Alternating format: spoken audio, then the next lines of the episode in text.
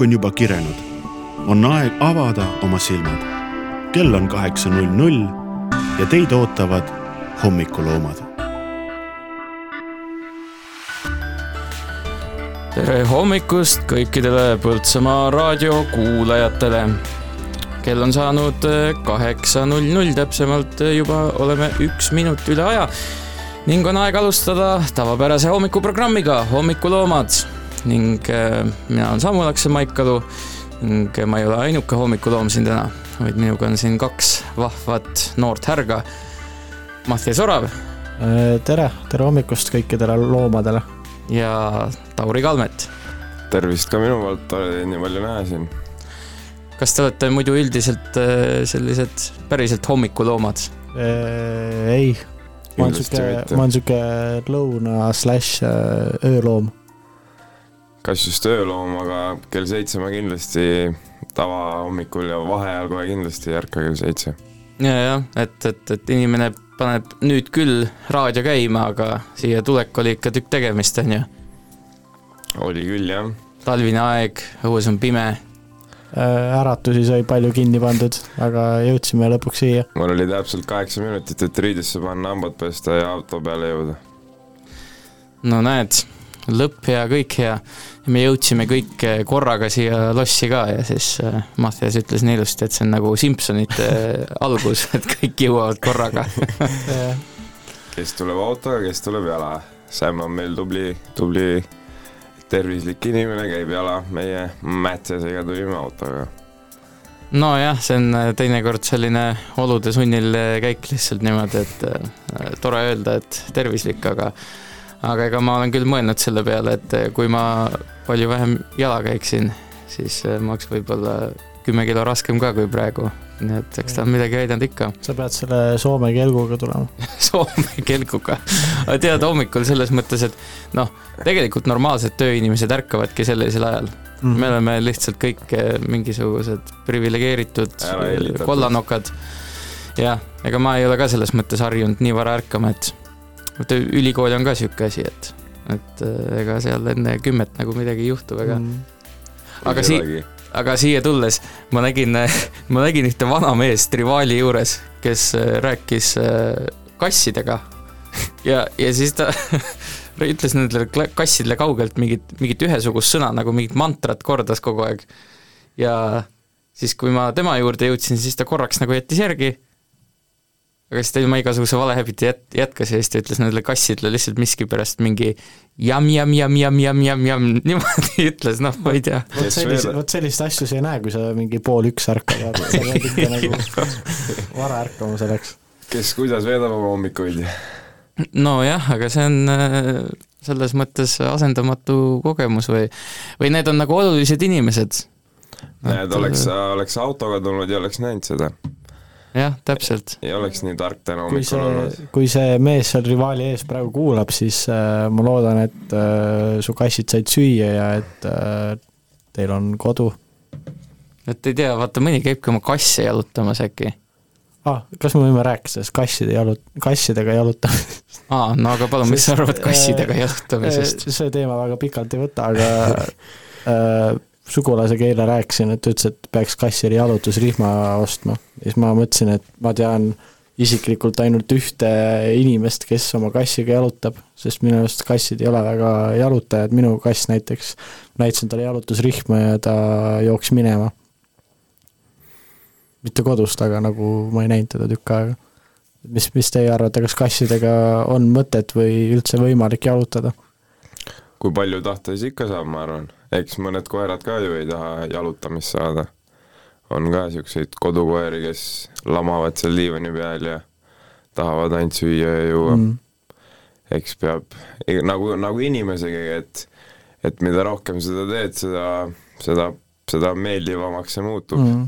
kuigi ma ei tea, kassidega on pigem see, et nad on nagu niisugused äh, äh, omapäised. Koertel on see, et aa, et ma ei saa sinult hakkama ja aita, aga jah. jah, jah, kassid, kassid on ka niisugused, pigem niisugused diivaniloomad ja nagu meil siin film Garfieldki, et äh, ma tahan ainult lasanjat ja diivanit ja ongi Ja, olemas nagu, nagu minu kass, lihtsalt teist värvi natukene. kusjuures kassidest rääkides, siis tuleb äh, kogu aeg ju terve rida igasuguseid uudiseid või noh, neid äh, postitusi seal ühismeedias, et jälle on mõni kass kadunud. minu äh, onul ja tema naisel ka näiteks kass kadus ära. otsivad sellist kassi nagu mursik, otsivad taga, niisugune peaks niisugune oranžikas kass olema. ja, ja see kass oli veel, ta oli Ukraina sõjapõgenik Nad võtsid ta jah, sellelt ühelt Ukraina naisterahvalt, kes siis leidis, et tal on parem mõnda Eesti kodusse minna. ja me nägime teda viimati siin kuskil või, või, või vähemalt onule tundus, et see oli tema. oli siin kuskil Põltsamaa lossi kandis just. nii et tuleb äh, silmad selles mõttes lahti hoida. kui koju lähen, siis vaatan kõik lossihoovi nukad üle. väga hea, väga hea. aga kuulge, kuulame siinkohal äh, väikese loo ning ähm, kuna Tauri Kalmet on esimest korda auväärne mees siin meiega, siis äh, ma olen kuulnud, et sinu hüüdnimi on Taukar. täitsa, täitsa võimalik. kusjuures iga kord, kui ma kuulen seda seitsme tuule poole, siis ma mõtlen nagu sinu peale kohe, et sina laulad seda, ega see Taukar ei olegi nagu mingisugune asi, ma vaata võin. ka sulle laulda seda vahepeal. võid laulda või? mitte, mitte praegu, mitte mitte praegu, teinekord kutsun külla ja siis istume kahekesi diivanil ja Jah. siis sa laulad mulle. Aga näed, ma võtsin siin äh, Karl-Erik Taukra Youtube'i kanali lahti ja ütleb, et tema üks kõige viimaseid laule sellel aastal on olnud selline pala nagu ookean, tuleb tuttav ette. tuleb. no aga laseme siis tal meile natukene lõõritada vahepeal.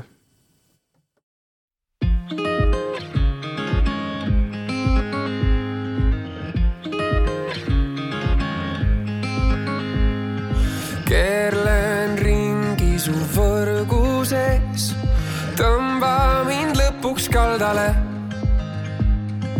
anna endast veidi veel, enne kui triivin kaugele. kord ütled ja, ja siis jälle ei, on aeg anda vastuseid. ookean, su põhjatusse kardan uppuda.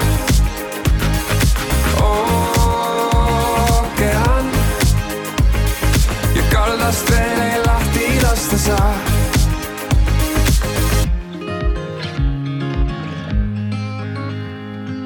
jalad vees pea pilvedes, su häält otsin tuulevaikuses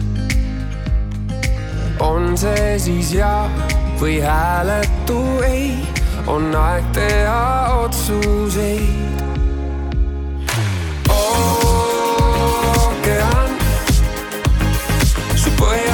Põhjatusse kardan uppuda. ookean ja kaldast veel ei lahti lasta saa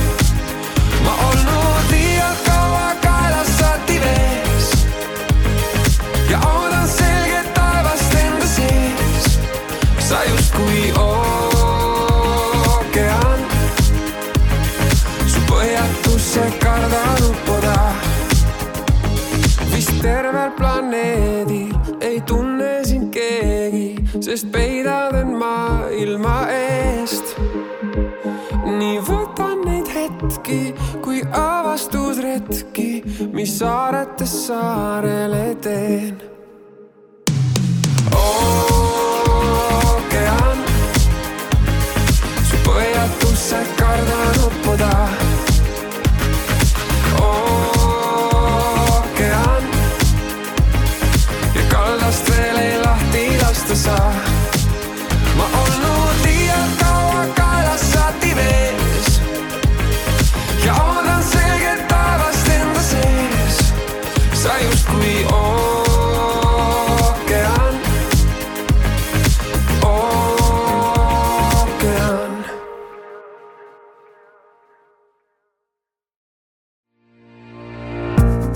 Huvitatud oma metsa müügist või korrastamisest?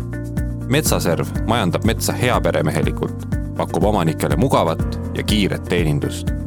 võtta ühendust info at metsaserv.ee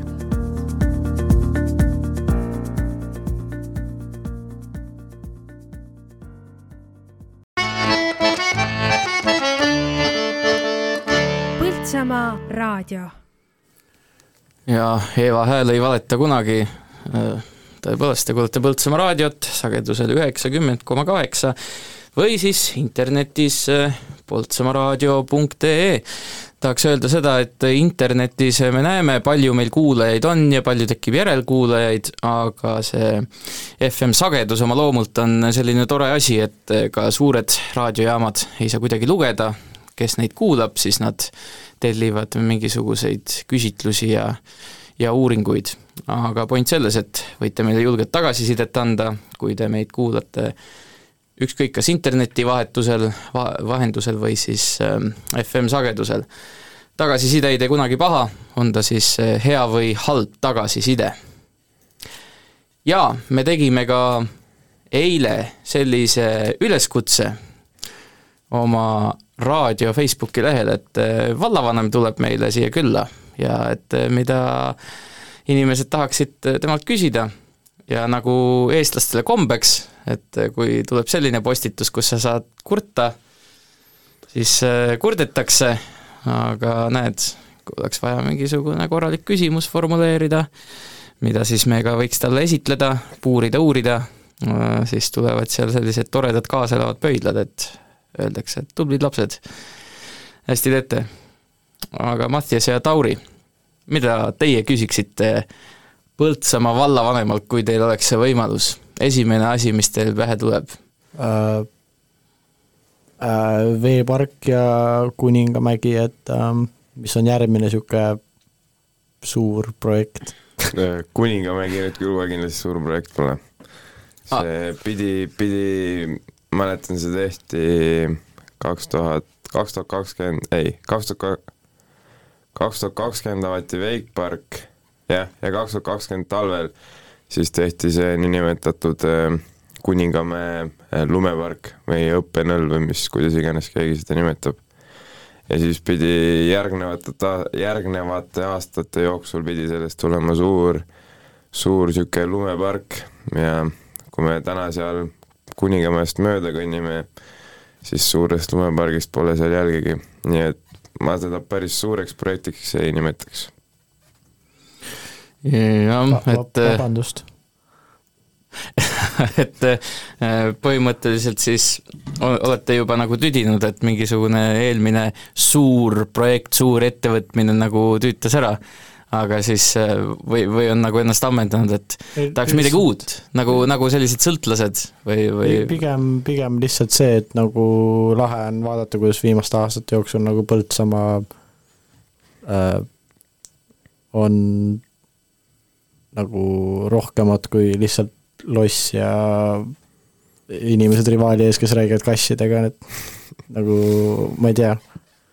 näiteks kui ma käin, äh, kui ma suhtlen äh, nii-öelda suure linna inimestega, siis ongi see, et nagu, nagu sihuke uhke on öelda, et aa, et Põltsamaa ei ole nagu lihtsalt väike koht, vaid nagu siin on nagu siuksed asjad ka, et tegelikult on nagu vinge. jah, Põltsamaal ju nüüd tänu sellele veikpargile on ju see turisti mm -hmm. läbikäik palju suurem aga kuna ise natuke rohkem olen seal aega veetnud, siis, siis on päris, päris ägedaid inimesi seal leidunud, kes on ka läbi käinud sealt Wakepargist. kas, kas äh, Kelly Sildarud ja asjad on sealt käinud, et kas keegi on nagu öelnud, oo, sa oled see Tauri ju? muidugi, kõnnivad mööda, see Taukar, Taukari impersonator vaatavad selja taha, oot oli ikka see vend või? kuule, kas see Wake Park, ma pean tunnistama, et äh, ma olen seal paar korda käinud ainult kuskil öisel ajal, kui seal kedagi ei ole miks see nii naljakas oli no.? sest, sest ma, ma tä-, ma täielikult mõistan sind ise samamoodi. ma olen seal öösel rohkem käinud kui päeval. jah, jah, ei no selles mõttes kõik on nagu väga viks ja viisakas, aga kas seal käib siis äh, nagu ma olen kuulnud, et seal on täitsa selline noh, nagu sotsiaalne elu käib ja, ja et ta on nagu kuidagi niisugune Põltsamaa nagu Venice Beach veidi või et sa seal ja, saadki ja võib, võib, näiteks. Äh, ma oma venna käest kuulsin, et ta nägi seal sellist nähtust nagu transsooline inimene ja, ja noh, no ta oli mingi soomlane, aga ma mõtlesin, nii moodne asi Põltsamaal et, et mm, näed. asi. oota, aga kuidas aga jah, see no et kas seal nagu käib siis päriselt, seal käib igast nagu huvitavat nagu rahvast ja inimesi läbi?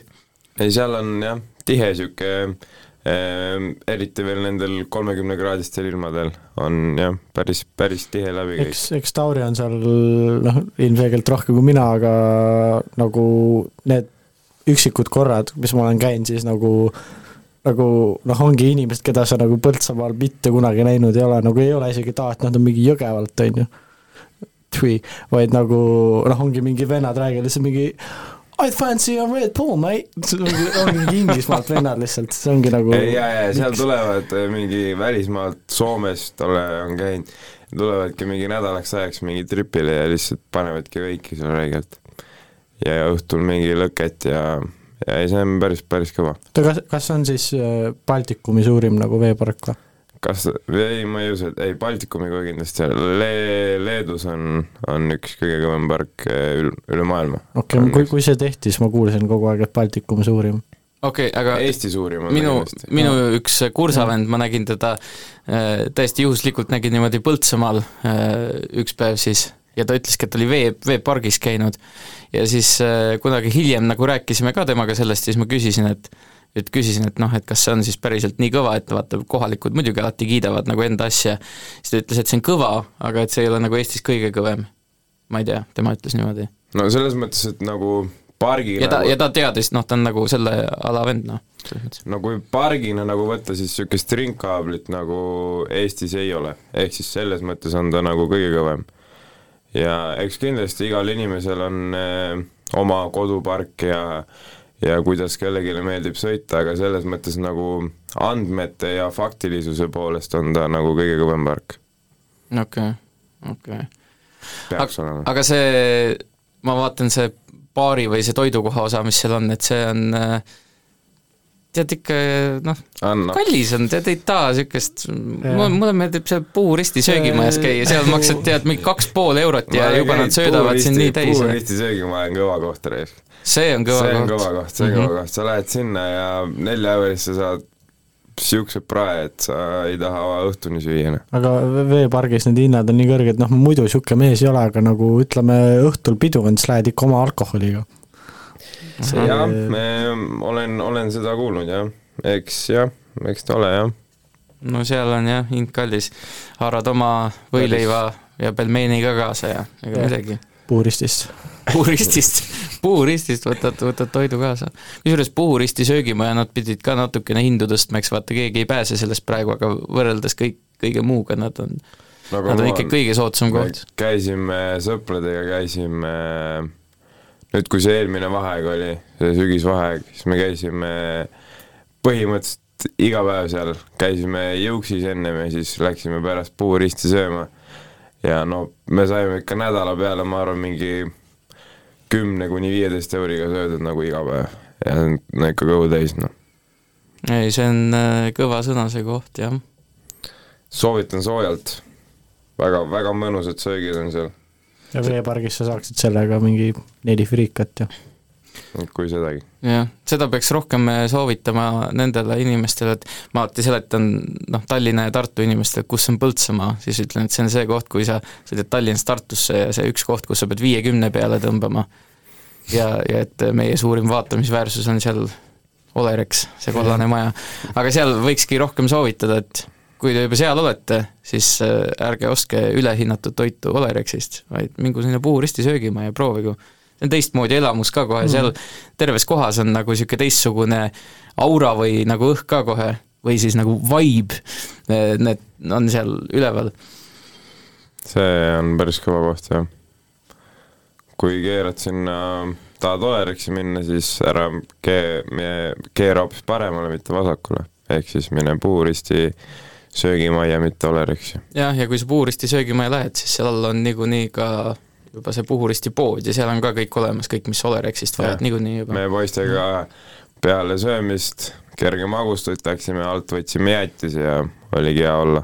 mm. -hmm. hind on ka parem natukene kui Olerexis. aitäh, sõbrad, mul läks kõht tühjaks jälle Läks kõht tühjaks. aga lähme teeme siin stuudioköögis siis võileiba omale vahepeal ja tasuta. ja no mina maksin nende eest, selles mõttes teil on tasuta, aga aga mängime siis eh, muusikat siia jälle.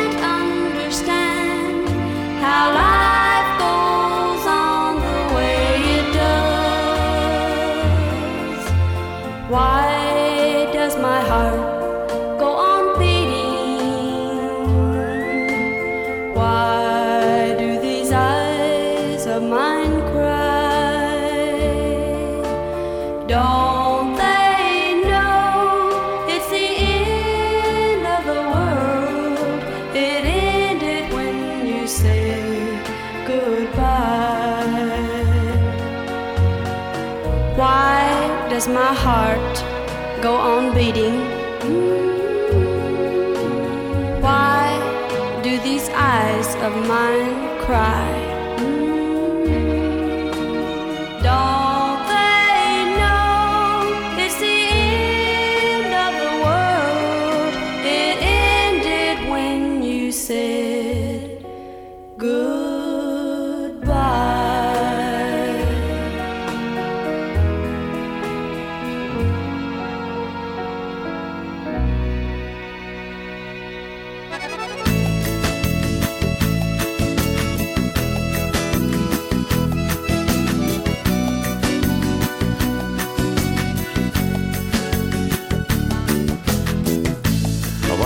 mulle meeldib, kui ma aega surnuks löön. ja tee peal väikse klaasikese ära joon. olgu sõbra seltsis või siis üksinda. hea on veidi aega meelt lahutan. ma vajan veidi aega meelt lahutan veidi aega meelt lahutan.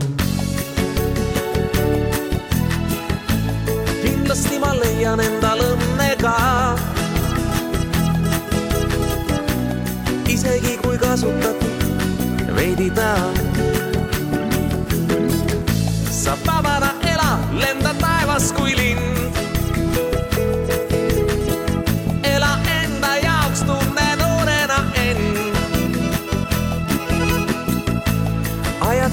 Seljas hirgutuka viltu lööd. ka Versace su seljas on meistrite töö. igaühe hing laulab sama laulu.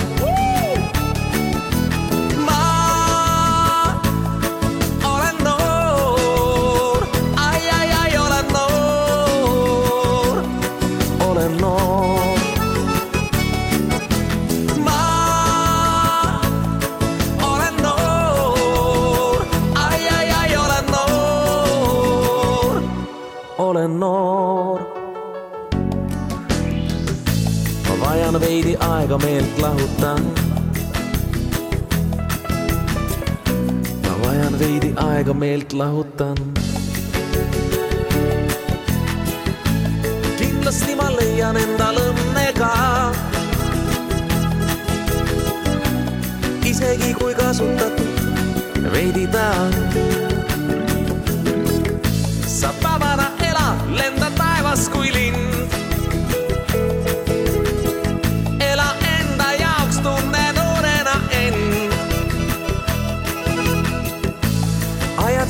seljas virgu tukka viltu lööd. ka Versace su seljas on meistrite töö. igaühe hing laulab sama laulu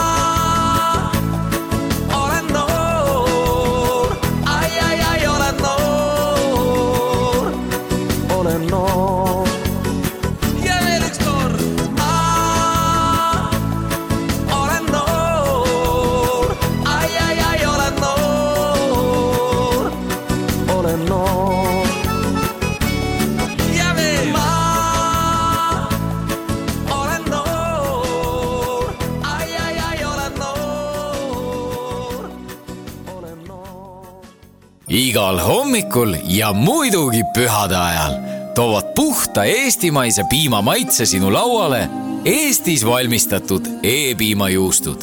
armastatud ja laktoosivabad. ostes E-piimajuustu, toetad Eesti põllumehi. loe lähemalt e-piim.ee või vaata Facebookist psühholoogiline nõustamine ja seltsidaami teenus Põltsamaa linnas. Angeelika aitab alati. Helista viis null viis kaheksa üheksa seitse kolm või kirjuta Angeelika Valdre Facebooki. Angeelika aitab alati.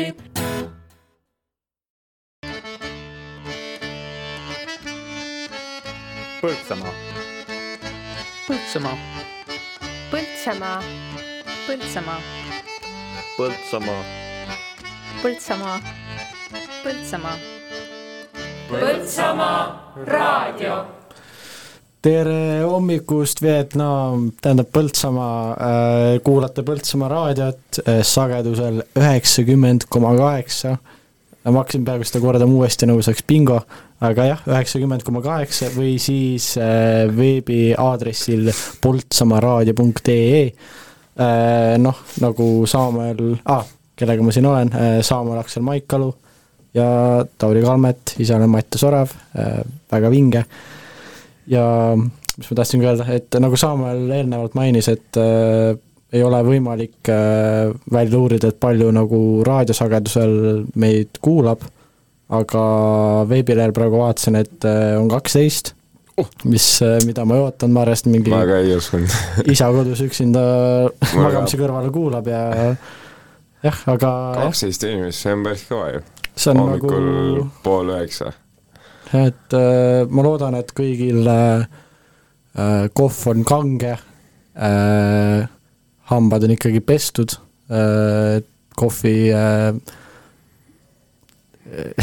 Hommikusöök. suuhügieeni üle ei võtaks, ma ei tea, hommikusöök söödud, kuule, kohv, kohviga on mingi sihuke imelik lugu, ma ei tea, keegi, ma ei ole kuulnud, et keegi sellest räägiks. aga see on nagu, nagu vabandust, et ma võtan, aga see on, see on nagu, see on, see on raadio, siin tuleb rääkida olulistest teemadest ja see on see, et et kui kohv jääb nagu pikaks ajaks suhu ja keegi ei pese pärast seda hambaid või ei pane mingit nätsu või midagi, et siis sellest kohvist ta hakkab meenutama niisugust nagu fekaalilõhna pärast. Te ei ole tundnud seda ma kunagi mõtlesin, et sa ütled, et õpetaja ei hinga õhku, aga vist on sama asi. ma õnneks ei joo kohvi. Mattias. ei no jah, ta nagu jääb selles mõttes kuidagi niimoodi, jääb, tuleb mingi ülipaha hais. nagu mm. -hmm. väga paha. Ta läheb Täitsa- nagu mingisuguste suubakteritega läheb segamini, vaata miks üldse on niisugune asi nagu see hommiku hingeõhk, et see on nagu sellepärast, et mingisugused maohapped tulevad vist nagu see, öösel tulevad minu arust sellega on sama efekt nagu mingil määral võib-olla teega. See nagu, ma ei oska seda sõna praegu no ole- oleneb see teest, pigment sest või mis see on, et see jääb tee on ju pigem looduslik, suhu. oleneb, oleneb teest. aga Samuel, palju sina hommikuti kohvi jood või üldse päevas kohvi jood? oleneb päevast jah. aga ei, ma, ma, ma olen ikka täielik kofeiinisõltlane. et, et selles mõttes kofeiin on ikkagi puhas narkootikum, ta on ikkagi sõltuvust tekitav. aga kas, sul, kas sul nagu tekivad võõrutusnäod, kui sa kohvi jood ja sellest ei räägita võib-olla piisavalt, aga kofeiin, kofeiinisõltuvus on ka tegelikult nagu heavy asi.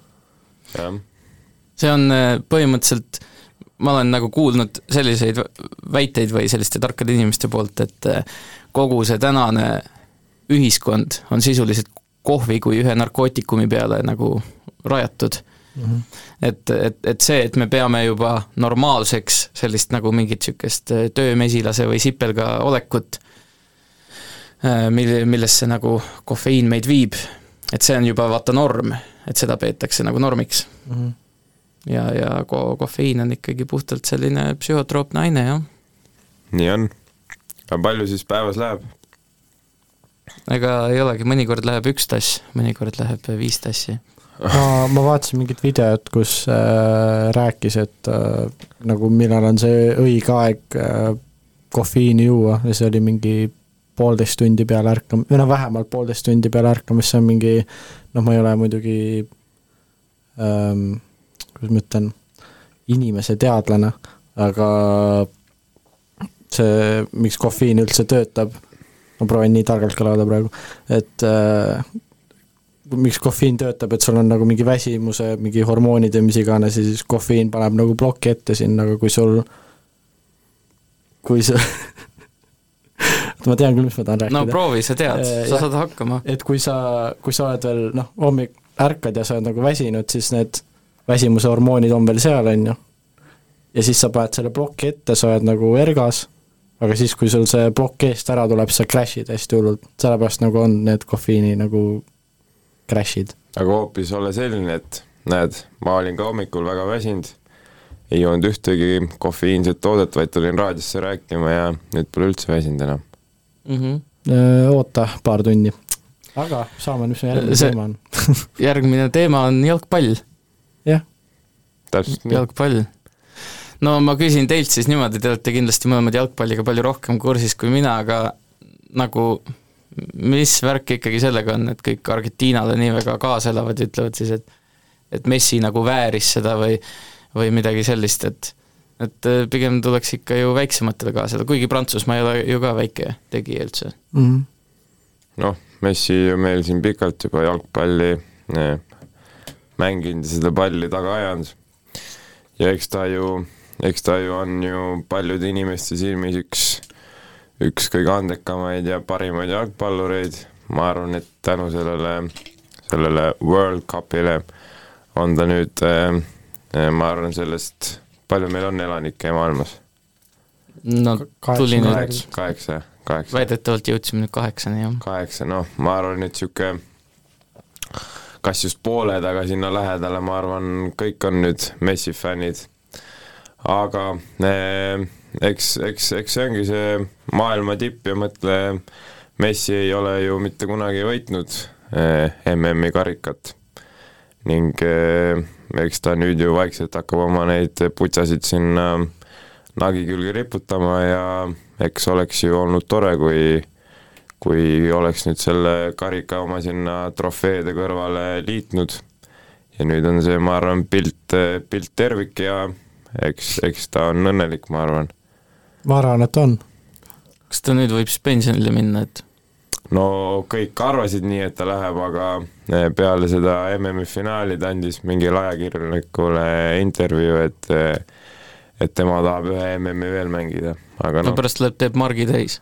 eks, eks, eks me näeme, mis, mis sellest äh, väitest, kas see on nüüd tõsi või mitte.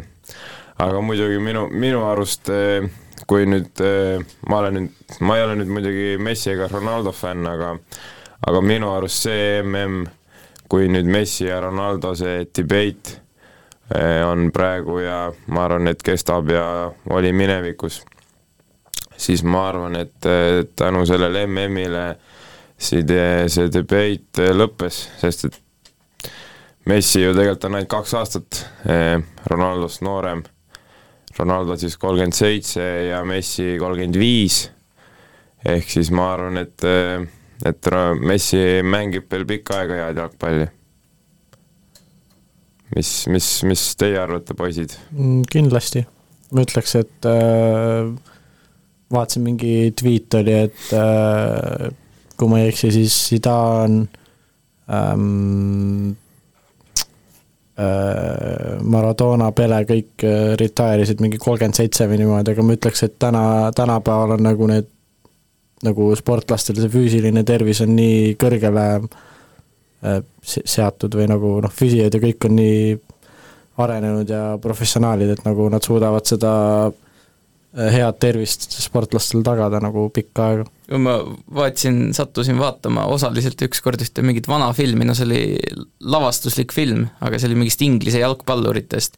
ja no see rääkis vaata noh sellest, et neil oli mingisugune see, kes see oli, mingi Saksa sõjavang oli seal, aga oli hästi hea see väravavaht. ja siis temast sai mingi, läks ma, Inglise koondisesse lõpuks mängima. jah. kas see oli see, et tal mingi, tekkis mingi peatrauma või? Ma ei tea, ma nii detailselt ei jälginud, aga ma vaatasin seda, et äh, seal need jalgpallurid äh, nägid välja noh, kes olid ikkagi noh, nagu kõval tasemel mängijad selle aja kohta, olid ikkagi siis nagu mingisugused huligaanid lihtsalt mm. -hmm. mingi tõmbasid seal kuskil locker room'is, tõmbasid suitsu ja ja seal noh, olidki sellised, mõni oli tead vähe tüsedam isegi ja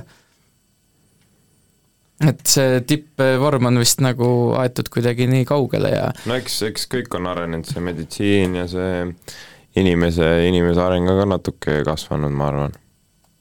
Mm, nojah, see, eks see ongi see spetsialiseerumine selles mõttes, et äh, ma arvan, kui vaadata keskmist inimest, näiteks sada aastat, sada viiskümmend aastat tagasi, ma arvan, et keskmise inimese füüsiline vorm oli, oli võib-olla nagu parem, et mingid lihased rohkem arenenud, noh, inimene nagu liigutas üldiselt rohkem, on ju.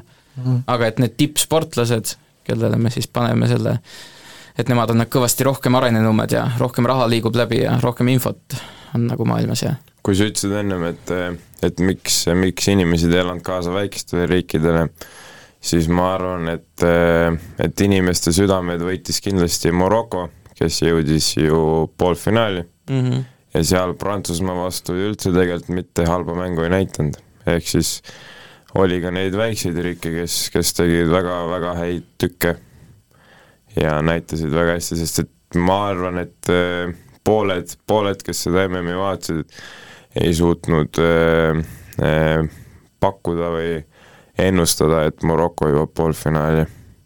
ja fun fact, mul ühel sõbral äh, äh, pettis enne, enne, enne, enne MM-i viissada eurot Argentiina peale, et Argentiina võidab MM-i. ja nüüd äh,, või noh, väidetavalt vähemalt äh, kui Argentiina võitis, siis ta võitis kaheksateist tuhat eurot siis. kui palju? kaheksateist tuhat kaheksateist tuhat. no vot, hakkame ise panustama. ma, siis kui see MM-i finaal oli, siis ma kujutan ette, mis, mis pinge tal peal oli, Argentiina ju läks kaks-null juhtima ja kahe minutiga löödi kaks, ei kolme minutiga löödi kaks väravat. nii et ja siis veel, siis veel tuli kolm-kolm. kujutad, mingi Prantsusmaa tõi mingi kahe minuti jooksul lõi seal, see oli ikka päris siis alles hakkas mäng käima? siis hakkas mäng käima, jah.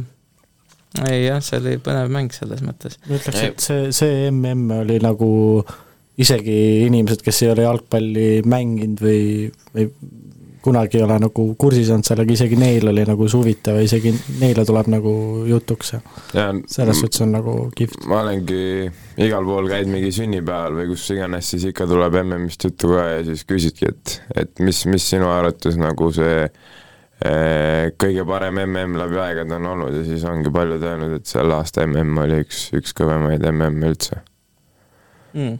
Et oli nagu päris kõvasid üllatajaid ja ma arvan, et noh, igal pool Twitteris ja igal pool levib see ütlus, et et eh, kaks tuhat kakskümmend aasta, kaks tuhat kakskümmend, kaks tuhat kakskümmend kaks.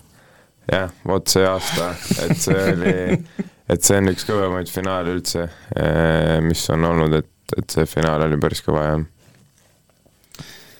ei jaa, ma ütlen, et ma olin ise kunagi nagu jalgpalli suhtes äh, skeptilisem, aga see oli küünik minu sees, kes rääkis ja, ja nüüd ma üritan nagu rohkem kuidagi sõbramaks saada, et ta on ikkagi üks, ka kultuuri mõttes ta on üks maailma nagu tippsündmusi. et selles mõttes Kindlasti. väga, väga oluline asi, et äh, meil ju siin Põltsamaal oli ka ju MM-finaal, kuhu isegi Samueli kutsuti. aga noh, Samuel oli nii kiire aeg, et klubi, klubi hooaeg oli nii kõva, et ei saanud kahjuks, kahjuks tulla, aga ise, ise käisin ja, ja lõin mitu väravat ja, ja lõpuks läks meil lisaajale ja peale lisaaega tuli veel penaltid. nii et nagu päris, päris finaal oli. ja ikka, ikka täis mm., täis show noh.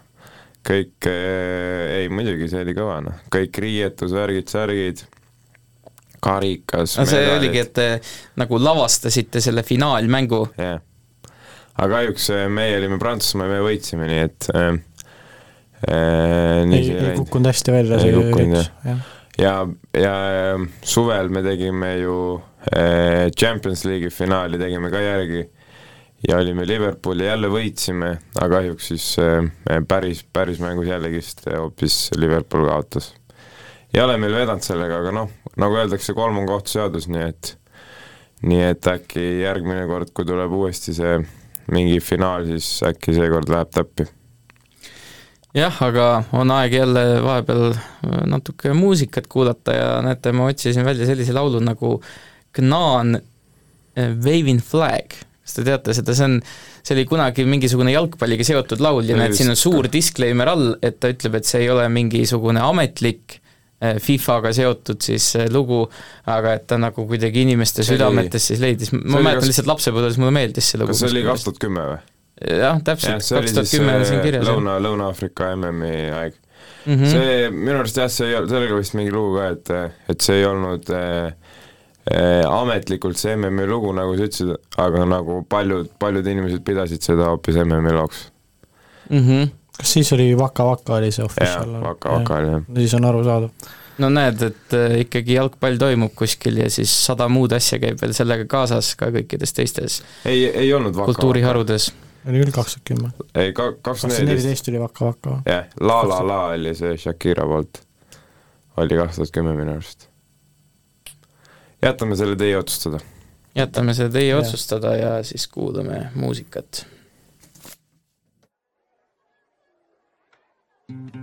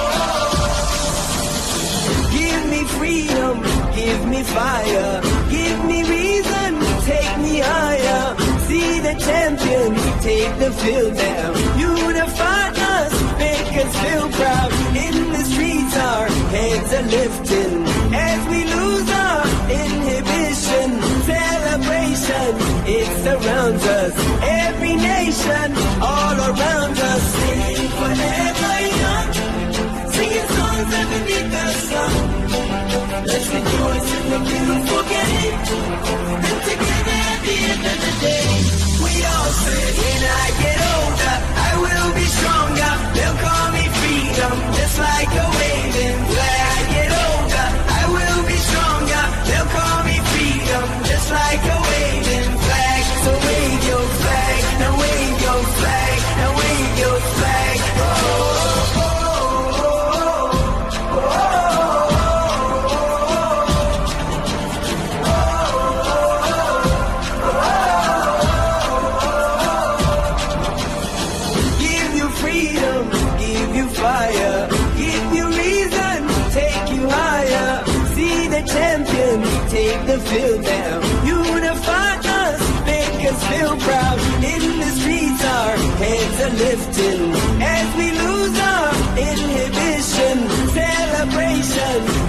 surrounds us. Every nation, all around us, Singing forever young, singing songs. underneath the sun. Let's rejoice in the beautiful game. And together at the end of the day, we all say, when I get older, I will be stronger. They'll call me freedom, just like a waving. When I get older, I will be stronger. They'll call me freedom, just like a waving flag.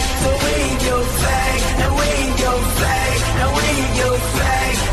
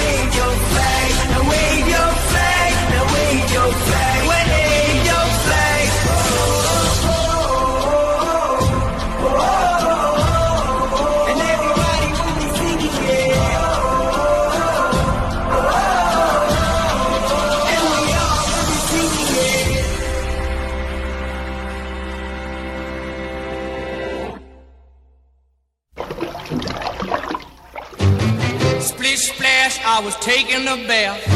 Long about a Saturday night. Yeah. A rub dub, just relaxing in the tub. Thinking everything was alright. Well, I stepped out the tub and put my feet on the floor. I wrapped the towel around me and I opened the door. And in a splish splash, I jumped back in the bath. Well, how was I to know there was a party going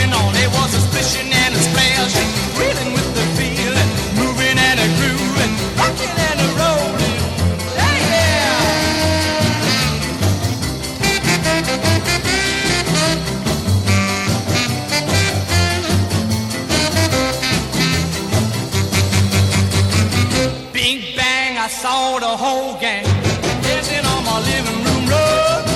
Yeah, flip flop, they was doing the bop. All the teens had the dancing bug. There was lollipop with a Peggy Sue, but the golly Miss Molly was a even there too. Well, a splish splash, I forgot about the bath. I went and put my dancing shoes on. Yeah, I was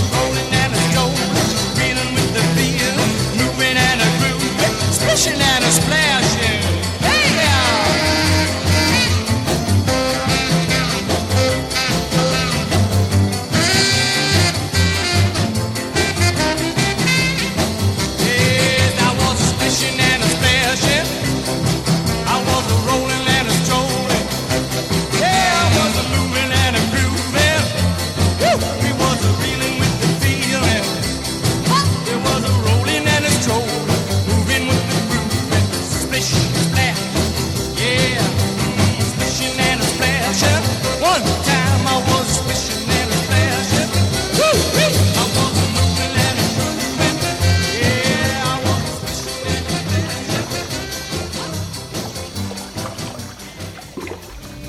Valipress Trükikoda soovib praegustele ja tulevastele klientidele meeldejäävat uut aastat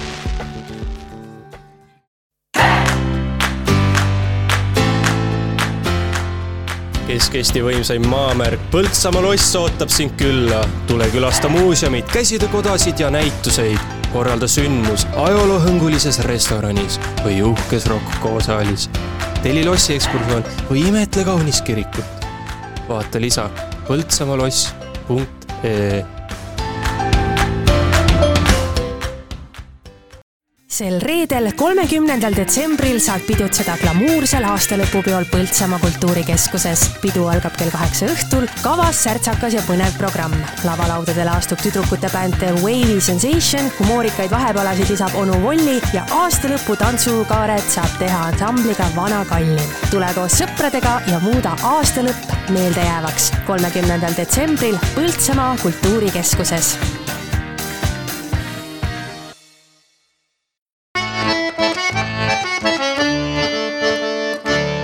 Põltsamaa raadio. ja, ja tere hommikust äh, kõigile loomadele. mina olen Mattias Orav, kõrval on mul siin Saamuel Aksel Maikalu ja Tauri Kalmet, me oleme. keda sa siin loomaks sõimad? Te olete loomad, aga heas mõttes. nii Anyway, äh, las ma teen intro ära, et äh, jah äh,, kell saab kümne minuti pärast üheksa äh,. me oleme siin juba viiskümmend minutit juttu puhunud äh, ja ma ei tea äh,, kõva värk jah, on päris kõva värk. jah. Teiega siin olnud juttu puhuda. jah, aga mis me järgmiseks teemaks võtame, on siis niisugune äh, äpp äh,, mis võib paljudele äh, natuke vanematele inimestele olla nagu mingi loits, aga BeReal äh,. jah, kas äh, teil asi. Teil, sõbrad, on BeReal? On, aga väga ei kasuta ma varem kasutasin rohkem, aga nüüd ei näe väga pointi. mõtlesin jah, et siis, kui mina sõbraks lisasin, siis kuidagi ei kasutanud enam, et midagi on valesti. ma vaatasin ka, et Tauri ei ole näed mulle sõbrakutset seal saatnud, et no miks sina mulle ei ole? nojah, no vaata, tead, see etiketi reegel on ka nagu õpetati ikkagi, et noorem inimene tänaval tervitab -hmm. vanemat, siis ma eeldan, et sõbrakutse -hmm. saadad sina mulle, mitte mina sulle jah, aga oleks elementaarne Need, kes siis ei tea ja ei saa midagi aru, millest me räägime, siis BeReal on niisugune huvitav äpp, ähm, äh, üle maailma siis on üks kindel aeg, millal kõik peavad nagu tegema pildi eeskaamera ja tagukaameraga. ja see ongi nagu, et noh, BeReal, et ole päris, näita, mis sa nagu sellel päris hetkel teed. Ja kindlasti te küsite, et äh, mis siis, kui ma selle kahe minuti jooksul ei tee seda pilti? Mitte midagi ei juhtu. Aga.... juhtub küll, juhtub küll. seal on point selles, et sul on see üks aeg üle maailma, kaks minutit antakse seda pilti teha. Ja siis, kui sa seda sellel hetkel ei tee, sa teed hiljem, siis teised näevad, et sa oled hiljem teinud, kas sa oled teinud viisteist minutit hiljem, kas sa oled teinud tund aega hiljem, kas sa oled teinud kümme tundi hiljem. ja siis teised näevad, et sa ei ole üldse nii real ehk üldse nii päris. jah. ja nagu, et miks sa tegid seda, et kas sa häbenesid lihtsalt näidata, et sa olid kodus arvutis ja siis sa läksid kuskile no ma ei tea, teesklesid, et sa oled kuskil või midagi sellist. et sa, et sul pole nagu piisavalt seda enesekindlust ja niimoodi näidata. Et seal juhtub lihtsalt, küll. või siis lihtsalt net oli otsas. ja, ja, ja pluss veel see, vaata, et kui sa teed, sa saad, teed selle pildi selle esikaameraga ja tagumise kaameraga ja siis, kui sa mõtled, ah, ei, teeme uuesti, siis teised näevad, et sa oled uuesti teinud. Nad ei näe seda eelmist pilti, aga nad näevad, mitu korda sa oled uuesti teinud mm. -hmm. nii et nad, see, sa saad sotsiaalselt karistatud selle eest, et sa ei ole real. ehk siis ole real. No ole mina, mina olen müüdud. ole päris uh,. see on siis uh, põhimõtteliselt real, ole päris, jah. ole päris ma, Eesti versioon, ole päris. ma eile nägin, et see on selle aasta iPhone'i kõige kõvem äpp või noh, kõige edukam ma ei tea, kas tasuta äpi kohta saab öelda edukam, aga allalaetum. allalaetum vist, jah. et isegi kui TikTokil ära teed, siis see on nagu tegelikult väga massive. ja miks, miks miks ma arvan, et see nagu nii kuulsaks sai, oligi nagu noh, praegu Twitterist võtsin lahti, on üks sihuke kasutaja nagu Best Be Reels, see ongi nagu, tegelikult on nagu naljakas kui sa nagu, noh, see ei ole seesama, kui keegi nagu snapib millestki või see, et mingi reaalhetkes mingi sihuke asi toimub nagu. jah, aga see ongi vaata kuidagi teistmoodi tore, et, et sul ongi see moment ja kus inimesed teevad seda, et noh, Instagrami pannakse kuidagi väga niisugust poseeritud fotot, on ju. aga et siis äh, siin sa näed ja need, neid inimesi näed, kes sul siia li- nagu lisatud on. sul on vist üle maailma, ülemaailmseid eh, postitusi saad ka näha vist sa saad, sa saad valida vist, et kas sa tahad, et ainult su sõbrad näevad või et kõik näevad eh,. jah, aga see on jah, päris, päris kõva. minul ei ole minu arust kordagi olnud mingit huvitavat piiriili. Mul ka vist ei ole. kogu aeg olnud jalgadest ja siis caption on, et Sõjavägi. miks mul nii mõttetul ajal tuleb kogu aeg aa, mul, mul on tulnud ikka tavaliselt nagu heal ajal. kusjuures, mida ma olen seal teinud, on see, et äh, ma panen iga kord ühe mingi päeva tsitaadi sinna ka juurde. ja see, see on minu päeva tipphetk, kui mul on jah, nii tore kuulda, näed, sotsiaalmeediast on ikka kasu. no näed. aga Tauri, miks sa ära kustutasid või miks sa, või miks sa ei ma ei kasuta? ole otseselt ära kustutanud, aga ma ei tea, mul, ta tuleb mul see notification, et tee nüüd, ole päris. ja siis mul tavaliselt mingi äh, väheasjalikum moment käsil. ja siis mul läheb see meelest ja siis, siis ma ei ole enam ju real, kui ma teen mitu tundi hiljem. ja siis ei ole enam seesama, mis ma oleks teinud mitu tundi varem, kui ma oleks olnud. miks ei kirjuta juurde, et iga kord, mul oli vähe asjalikum moment enne käsil ja ma mõtlesin, et ma ei oleks nii real, aga siis sa, siis siis sa tähemärkide arv otsa juba. siis sa oled, sa oled ikka real, et sa ei ole nagu nii real, sa oled ühe, viiskümmend protsenti real. sa oled nagu real selle kohta, et sa oled real. aga see annab mulle Realception, vaata siuke. see annab mulle mõtte, et ma teen just praegu piiriili. aa, no väga hea, tee üks piiriil. mul on tegemata. ja paneme meie siis mängima ühe laulu, kuni Tauri siin piiriili teeb, paneme mängima laulu, mille nimi on siis Bad Habit ja see räägibki siis halbadest eh, harjumustest. ja pärast seda on juba meie ees siis Põltsamaa raadio uudised. wanted me.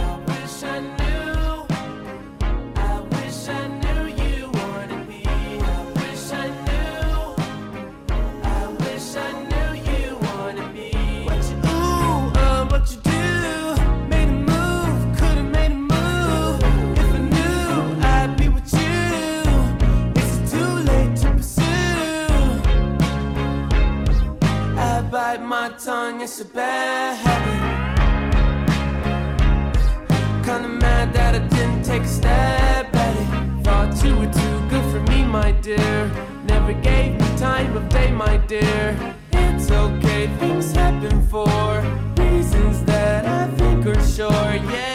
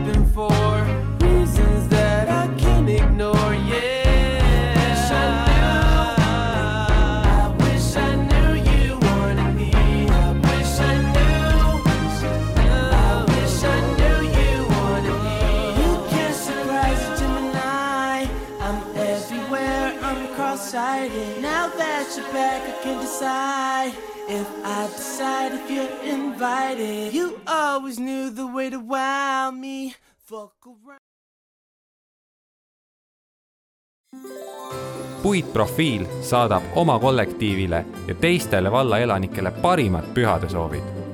palju rõõmu südamesse, meeldejäävaid hetki lähedaste seltsis ja kordaminekuid uueks aastaks. oled huvitatud oma metsa müügist või korrastamisest? metsaserv majandab metsa heaperemehelikult, pakub omanikele mugavat ja kiiret teenindust. võta ühendust info at metsaserv.ee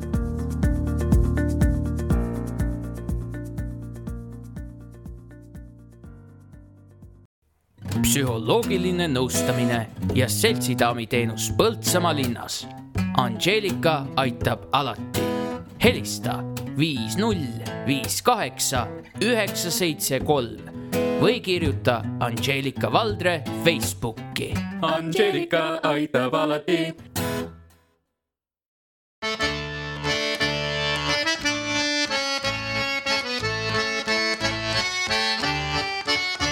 Te kuulate Põltsamaa raadiot sagedusel üheksakümmend koma kaheksa megahertsi ning internetis poltsamaaraadio.ee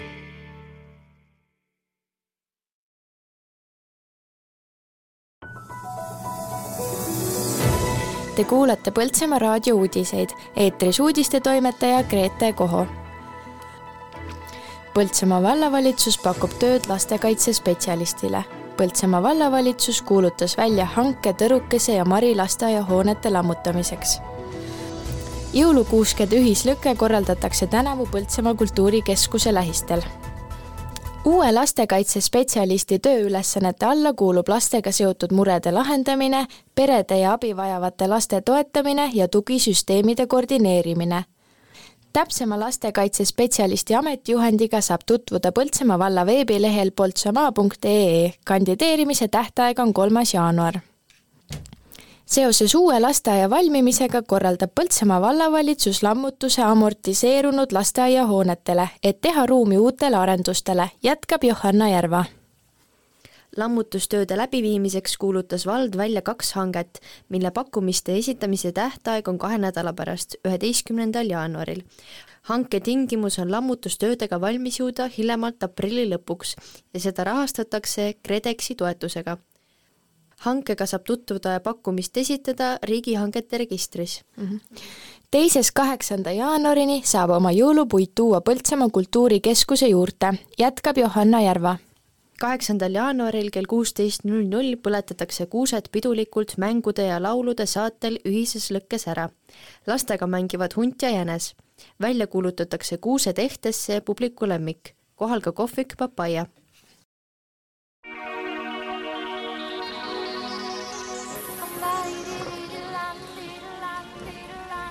öösel pilvisus tihenes, Lõuna- ja Lääne-Eestis sadas mitmel pool lund, saartel ja läänerannikul ka lörtsi ja vihma, hommikuks sadu hõrenes, kohati tekkis udu, oli jäiteoht. tuul pöördus kagusse kolm kuni üheksa, saartel hommikul puhanguti kuni neliteist meetrit sekundis.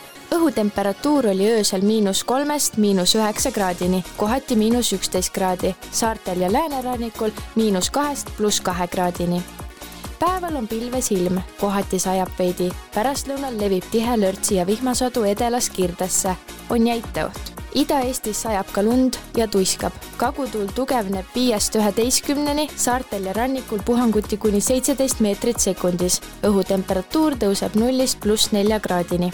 Saaremaal on päeval neli sooja kraadi, Tallinnas, Raplas ja Viljandis üks kraadi, Võrus null kraadi, Narvas, Tartus ja Põltsamaal üks külmakraad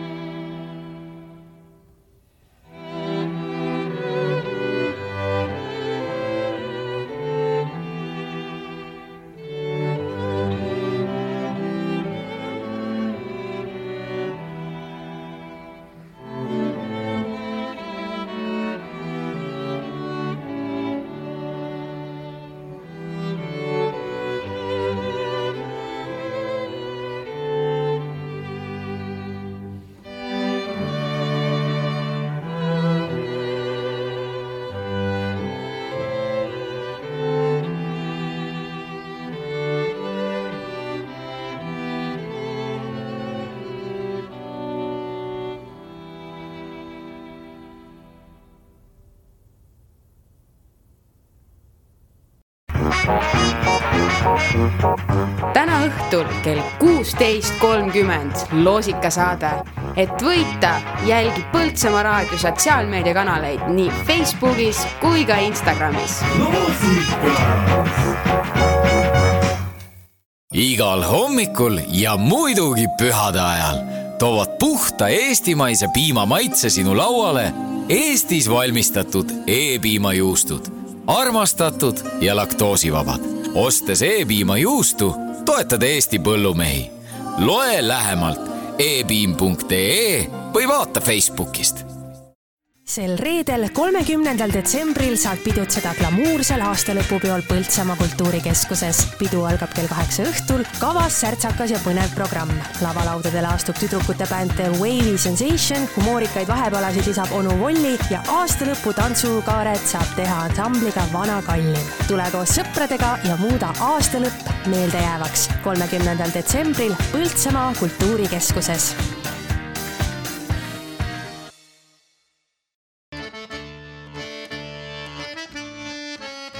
Põltsamaa.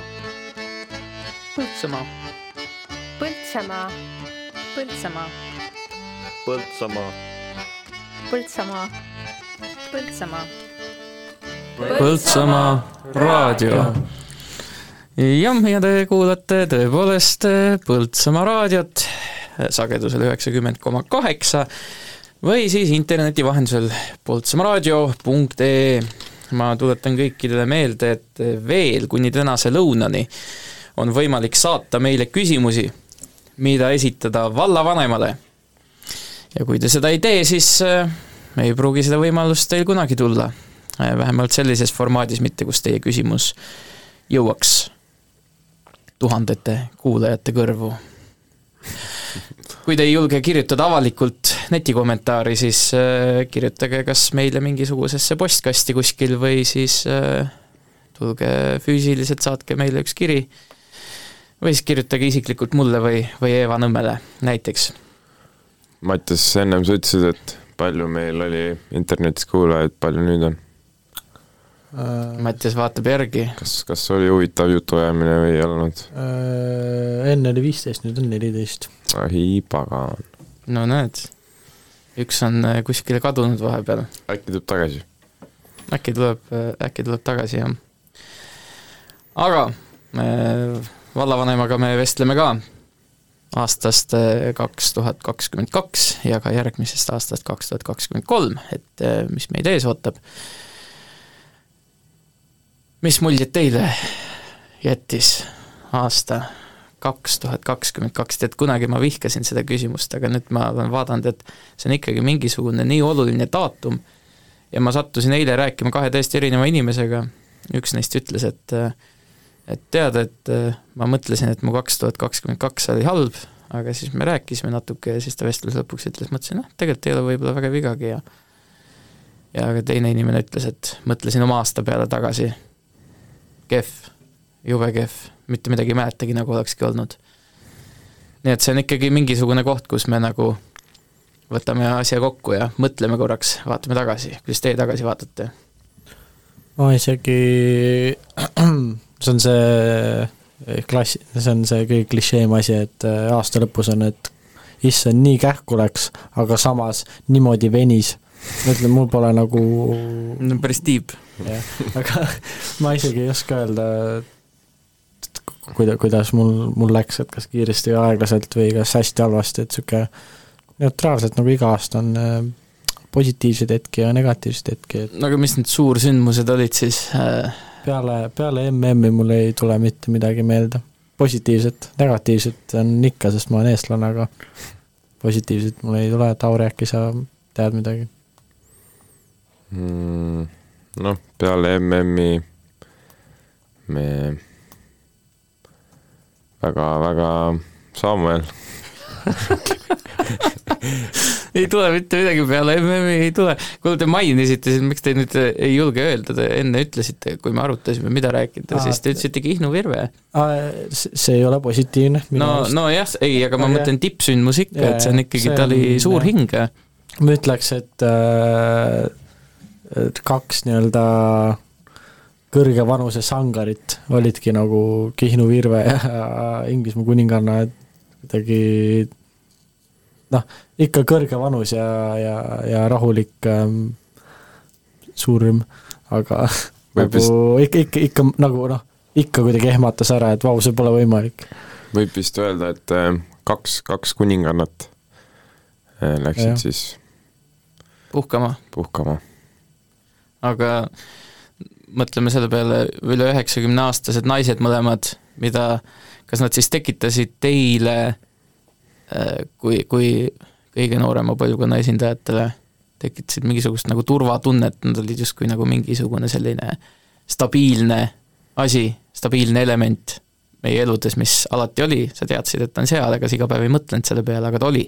ütleks, et mingil määral nagu kui tähtis on tegelikult nagu tervis, et vaatagi Kihnu Virvet, et see, mis ta selle pika eluga tegi ja kui nii-öelda noh, tervise mõttes head elud elas, et ongi, mis ta oli, mingi üheksakümmend, kaheksakümmend või ma ei tea, mis ta oli, kui ta käis mingi langevarju küppamas ja värk, et see on nagu, see, see on nagu no see juba, juba näitab, et ta nagu viimaste päevadeni ta ikkagi nagu laulis ja, ja esines ja mm. -hmm. ja, ja tegi seda, mida, mida ta armastas.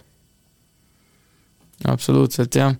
ja ma mäletan seda õhtut, kui Inglismaa kuninganna sur-, surmateade tuli, siis äh, oli tead küll niisugune tunne, et, et tahaks seda kõigile kuulutada või et see oli nii oluline asi. ja siis mind ajasid isegi nagu mitu päeva ajasid närvi inimesed, kes tegid äh, kas sellele nalja või kehitasid nagu õlgu selle peale. no mitte lihtsalt sellepärast, et ta siis nagu inimene oli, eks vanu inimesi sureb nagu kogu aeg, aga ma mõtlen, ta oli ikkagi, ta oli vaata kogu aeg kuskil olemas Mhm. Et mingisugused äh, noh, Inglise monarhia on nagu noh, vaata teisi monarhiaid on veel Euroopas ja maailmas laiemalt, aga Inglise monarhia on suutnud ennast kuidagi nii suureks mängida, et ta on üle maailma, teda ikkagi jälgitakse ja ja, ja vaatasid, et seal mingisugused need teised kuningliku pere liikmed tegid igasuguseid jamasid, et kes käis seal kuskil kahtlaste saarte peal ja, ja kes seal, kes seal läks naise pärast, läks kuskile, sõitis teise riiki ja hülgas oma kuningliku perekonna. aga kuninganna oli nagu alati olemas. ma sellest ei saa aru, aru, et jälle ma ei ole nagu absoluutselt kursis selle monarhia ja selle kuningliku eluga, aga ma kuskilt lugesin, et prints Andrew saab nagu mingi selle, mis see raha, ma ei tule meelde, mis see sõna on. Raha, auraha, sa mõtled nagu ordeni või? Fortune või mis iganes. aa, pärandi, päranduse. pärandus. jah. kas see on tõsi või? ma ei tea, kui tal on mingit isiklikku vara, siis ega osa sellest varast kuulub nagu kuninglikule perekonnale, suur osa sellest kindlasti, et nad saavad ju riigi käest, saavad mingit raha, aga suur osa rahast, mis selle kuningliku perekonna käes on, on kõik need igast, ma ei tea, teleülekanded ja noh, millest makstakse neile tohutud summad, kõik muu meedia maailmas, mis nad nagu ringi käivad, et nad teenivad selle noh, oma kuulsusega nagu ise välja. jah. kes, kes on teie, meie kui, kui noored, palju veedame aega internetis, siis kes on teie arust parim eh, sisulooja Youtube'is kaks tuhat kakskümmend kaks aastal? ma ütleks, et see ei ole nagu minu lemmik äh,, aga ma ütleks, et Mister, kui me räägime lihtsalt Youtube'ist näiteks, üldse sotsiaalmeediaga, et siis nagu Mister Beast, et see, need äh,, need barjäärid, mis ta äh, hävitas, ma ei tea, mis ma tahtsin öelda. Äh,, noh, need te, tema on nagu selle lati see aasta nagu eriti kõrgele tõstnud, mis see Squid Game'i video oli, mis maksis mingi kolm miljonit või? Gordon Ramsay'ga tegi video, ma, mingi viimane video oli, mis ta oli Antarktikas, ma ei tea, viiskümmend tundi või mis iganes, ta tweetis, et äh, Hans Zimmer tegi sellele soundtrack'i. kes on siis, kes ei tea, on Inceptionile muusikat teinud ja paljudele no üks Hollywoodi selliseid legendaarsemaid filmimuusika tegijaid. vend jah. no come on, kui sa annad, kui sa annad Halloweeni ajal eh, koputajatele iPhone'e ja Apple Watch'e ja AirPod'e välja, siis, siis midagi, midagi sa oled su elus õigesti teinud. jah, ja nagu tal üldse, vaatasin mingeid Forbes intervjuusid asju, et temal nagu need, noh, see on küll nagu sisust äh, eraldi asi, aga nagu tema nagu moraalid ja asjad, mis ta tähtsaks peab ja see on nagu täpselt nagu mil-, miljardäridel ongi nagu, et nagu ongi, et tal ei ole mingeid uhkeid autosid, uhkeid elamisi, uhkeid riideid, ta kõik investeerib videotesse tagasi ja firmadesse ja asjadesse, et no see, nagu selles mõttes ongi nagu, nagu ta ei ole niisugune nagu äratõusnud Youtuber mm, -hmm. et ta ongi nagu still niisugune tore vend ja ja, ja ajab oma asja. nii et mm -hmm. jah. ja ta on ikka väga selles mõttes hull tüüp, kui sa mõtled seda, et mida ta nendes videotes reaalselt teeb. et ta võtabki ühe video jaoks ja ma ei tea, teinekord ta annab seal mingisuguseid asju ära, mingeid väga kalleid asju, kas terved majad või, või ükskord kinkis kellelegi mingi nelikümmend autot. kellelegi kinkis saare.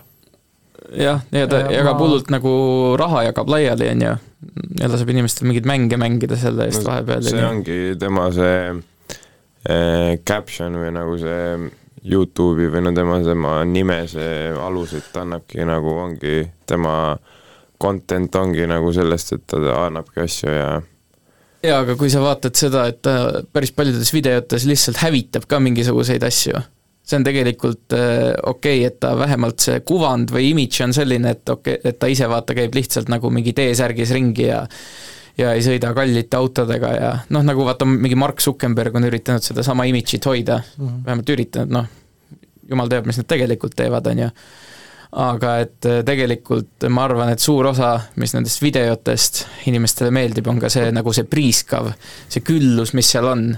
et ta võtabki ühte videosse, lihtsalt ostab maja, et see sisuliselt kuidagi ära lammutada tükkideks, savi. paneb mingisugune pool milli sinna ja alla. ja Mr Beastil see ka, mis ma olen vaadanud podcast'i asju, kus tal on, et äh, see, kuidas ta räägib, et ta on nagu õppinud seda Youtube'i nagu asja, tal ei ole lihtsalt, et aa, ma vaatan, mis trend on ja okei okay,, ma teen seda, vaid ta on nagu õppinud, et äh, kui pikk peab video olema, et nagu seda maksimum nii-öelda vaatamisaega saada, mis muusika peab olema, mis thumbnail äh,, s- noh, see videoformaat, et niisugused lühikud, need äh, shortcut'id, et ta on mingi, aa, jõu, siin see, okei okay,, nüüd siin see, kõik see on nagu, see lähebki peale ja no seda on nagu näha. Need on ikka räigelt tulistavad videod, nagu seal pannakse nagu kuulipilduris selles mõttes, et ma ütleks, et meil et, et tal ei ole nagu mingit niisugust mõttepausi, vaid kogu aeg mingisugune Jaa, nagu action käib mm Mhm. -hmm. ja see on just, minu arust see näitab ka seda meie ajastu nagu tähelepanuvõimet, näitab mm -hmm. nii selgelt, et äh, me ei suudagi keskenduda mingisugusele pikale asjale, sellepärast ta kogu aeg karjubki. no ma ütleks, et äh, seda on äh, no ma ütleks, et äh, see, see on niisugune nagu Am- Ameerika asi on suht eriti nagu Youtube'is ongi see nagu hästi karjuvad ja niisugune noh, Mr Beasti puhul ma seda küll päris ei ütleks, aga no ongi niisugune, et personality't ei ole, et lihtsalt karjub ja ongi niisugune nagu no mis läheb lastele peale, I guess. jah, mina ütleks seda, et äh, kui siin mingisugune ametlik versioon on niisugune, räägitakse, et oi, noored, uus põlvkond on nii mingisugune keskkonnasäästlik ja Greta Thunberg on see mingisugune vaimne juht või midagi sellist, et äh, siis jah, et kuskil küsitlusele võivad küll vastata, et ei, muidugi läheb keskkond korda, miks ei lähe, aga siis äh, minge ja vaadake, mida teeb Mr Beast ja ta on põhjusega, on tal seal üle viiekümne miljoni tellija seal Youtube'is minu arust on kõige suubitum nagu Youtuber nüüd. jah, jah, jah, ja see, ja see on see, mis läheb tegelikult nagu noortele selles mõttes peale. et, et vot, ta niimoodi kipub olema, aga kuulge, mis te arvate, kuulame siia siis, rääkisime sellisest äh, legendaarsest naisest nagu Kih- Kihnu Virve korraks. korraks mainin, et eh, Mr Beastil on sada kakskümmend neli miljonit subscriber'it. aa, no natuke rohkem, kui ma ütlesin. natuke rohkem kui viiskümmend miljonit aga Kihnu Virve on ka äh, legend ja kuulame siis äh, ühe tema, tema loo siia otsa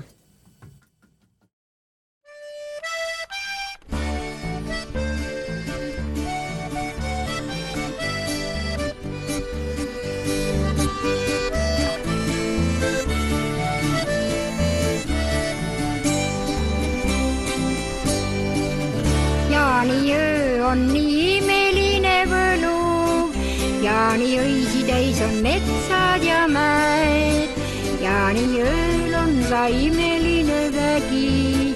kaunist ja nii haljalt näha saab sel ööl.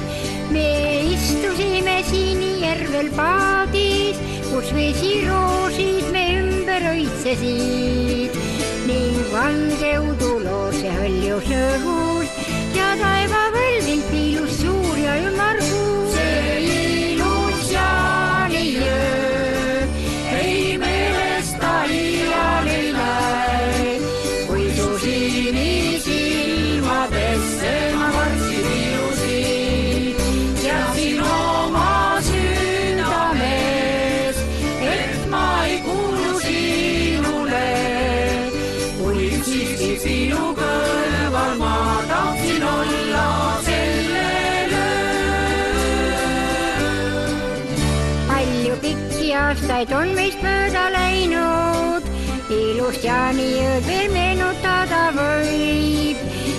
seistan sillal ja mõttes vaatan paati, kuidas sind seal näha tahaksin ma veel. ei ole paati seal siniläntes üles, ei valgeid roose ega lainete peal.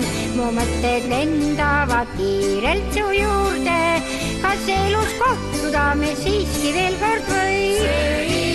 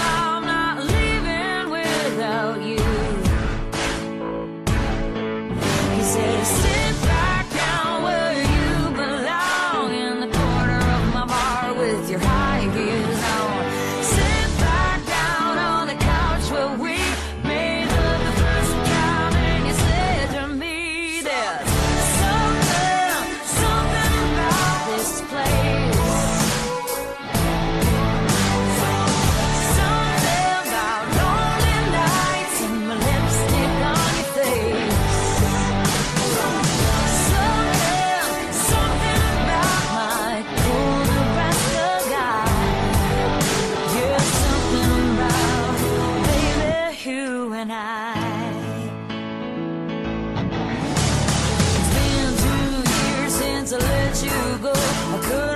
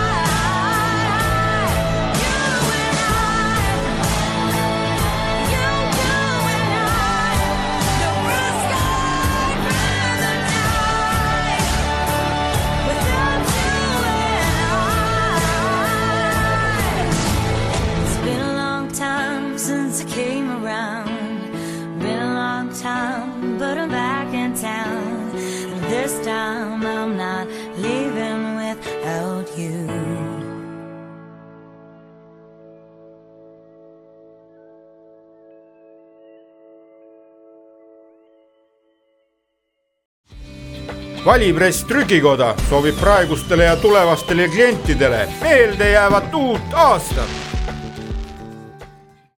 sel reedel, kolmekümnendal detsembril saad pidutseda glamuursel aastalõpupeol Põltsamaa kultuurikeskuses. pidu algab kell kaheksa õhtul, kavas särtsakas ja põnev programm. lavalaudadele astub tüdrukute bänd The Wavy Sensation, humoorikaid vahepalasid lisab onu Volli ja aastalõpu tantsukaaret saab teha ansambliga Vana Kallim. tule koos sõpradega ja muuda aastalõpp meeldejäävaks. kolmekümnendal detsembril Põltsamaa kultuurikeskuses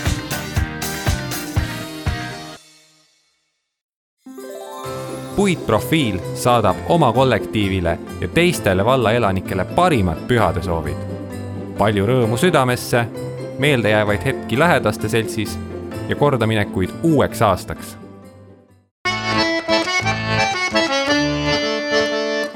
Põltsamaa raadio tere tervist, kell on saanud üheksa kolmkümmend ja hommikuloomad on jätkuvalt teie ees, mina olen Samu Aksel Maikalu ning eh, oleme siin poolteist tundi juba istunud koos eh, Tauri Kalmeti ja Mattias eh, Oravaga, rääkinud maast ja ilmast. aga meil on ka siia stuudiosse ilmunud neljas inimene nimelt Aive Tamm Põltsamaa vallavalitsusest tere hommikust kõigile! Ja Aive, sa tulid rääkima meile ühest uuest põnevast projektist, mis on ette võetud või või, või siis mingi see noh, kuidas öelda, miski, mis hakkab nagu Põltsamaal muutuma, miski, mida tehakse jälle juurde, nimelt meil hakatakse siis uut rohetaristut, ehk siis puitpõõsaid juurde istutama, nii nagu ma sellest aru sain, või, või kuidas täpsemalt? Just täpselt nii on, et päris uut me ei tee, et me ikkagi arendame seda edasi, mis olemas on, et selle projekti käigus noh, nii-öelda lihtsalt laiendatakse, täiendatakse ja ja parandatakse ja selle asja eesmärk on tegelikult selline oluliselt suurem kui, kui Põltsamaa linn ja vald, see on ikkagi selline maailma parandamise projekt selles suhtes, et kliimamuutused toimuvad, selle vastu ei saa ja paraku see projekt ei aita ka võib-olla niivõrd kliimamuutuseid peatada, küll aga nendega paremini kohaneda ja hakkama saada. et et teatavasti just linnalistes piirkondades, kus on puitpõõsaid vähem, kus vee äravoolu või vee seda noh, pinda, mis, kust maasse saab imbuda, on oluliselt vähem, seal tekivad sellised soojasaared, kus, kus inimestel ongi oluliselt palavam olla. ja just nendel tulevastel kuumaperioodidel eakamatel inimestel, kellel süda hästi vastu ei pea või, või kõik sellised, sellised teemad, samamoodi need kuumaperioodid lõhuvad meie taristut, eks ole, sellepärast et kuum ja külm, need ju mõjutavad, teame ju kõik, kuidas asfalt eh, sooja, soojaga üles sulab ja pärast eh, noh, ei ole enam see kvaliteet see, et ent see rohetaristu aitab meie inimeste elukeskkonda parandada ja samuti siis hoida ja säilitada seda meie sellist eh, tehnilist keskkonda, taristut, et noh, muidugi natuke see ka kliima soojenemise vastu, sest igasugune roheline teema seob ju seda kasvuhoonegaase, aga see mõju on jah, ikkagi pigem selle nii-öelda olemasolevate või selle soojenemise leevendamisel, kui siis selle ärahoidmisel. mida see siis nagu noh, kõige lihtsamalt maakeeli öeldes tähendab, et äh, istutategi lihtsalt puid juurde? istutamegi lihtsalt puid juurde. Äh, Põltsamaa vallas on siis viiel alleel varasemalt suured puud olnud, aga igasuguste renoveerimiste, rekonstrueerimiste käigus, kui teed on saanud küll korda, alati rahad saavad otsa ja kust kokku hoida, on alati olnud hea koht jätta mõni puu istutamata.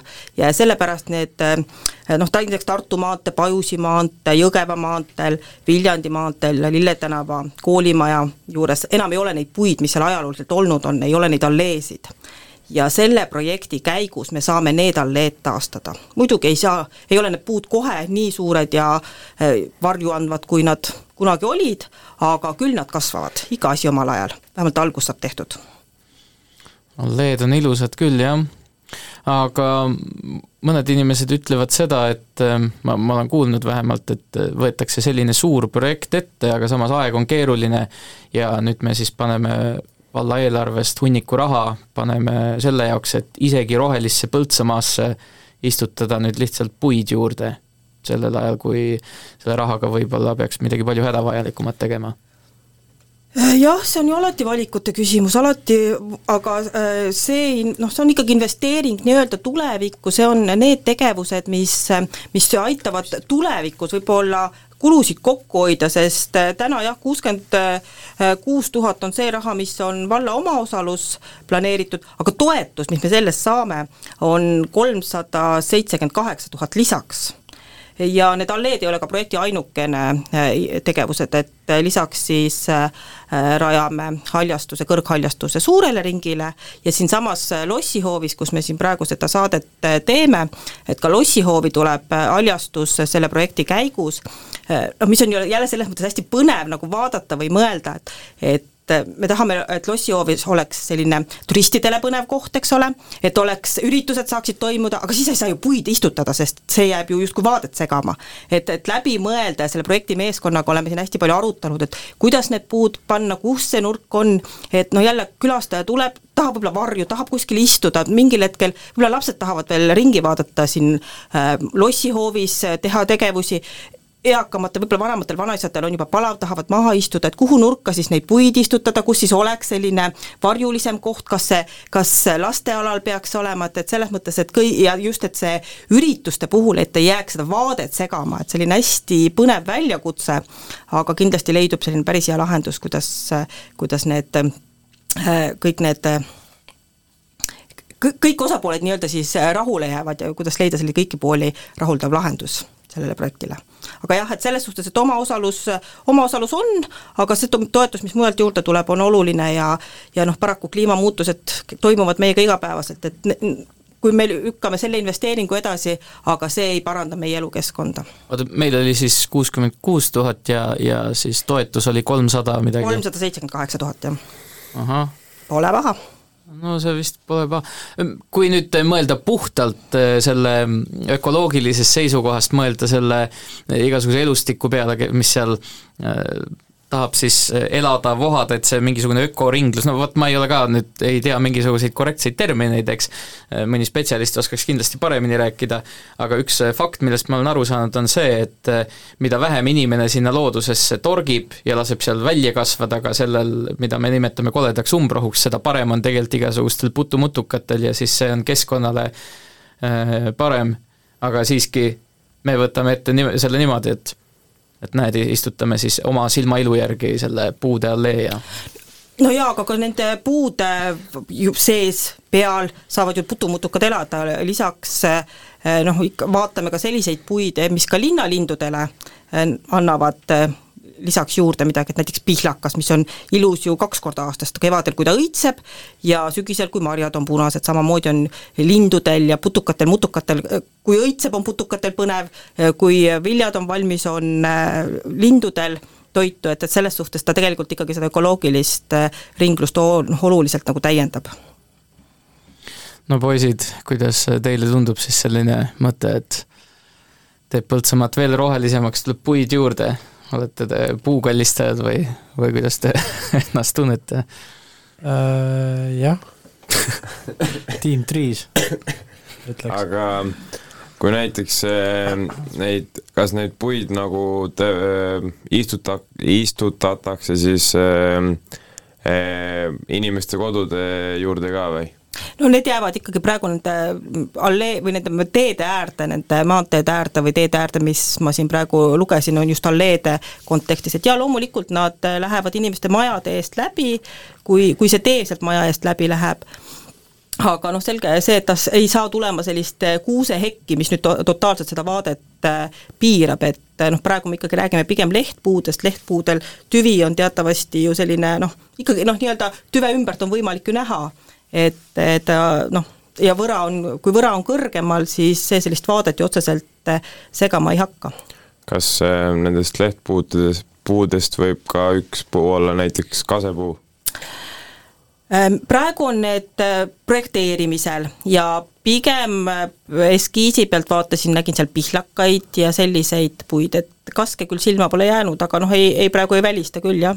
Riisumist tuleb, lehtede riisumist tuleb sügisel. aga näiteks need, need väiksed õied, mis näiteks kasel lendavad, mis võivad igale poole, omast kogemusest meil oli ka maja ees kaseallee ning need kaseõied lendasid igale poole kuskile autokoobaste vahele, autotulede vahele, kuskile akente vahele, igale poole, et kas see ei või, see ei või üheks probleemiks tulla? nojah, lepp tolmab, vaher tilk, noh, era, eratab mingit mahla pärn, kui õitseb, siis noh, mesi tilgub puude peale või noh, puudelt alla, kui seal all midagi on, et et loomulikult kõik toob midagi endaga kaasa, aga noh, elamine ongi keeruline mina, mina kui kevade allergiaga inimene hakkasin kartma praegu.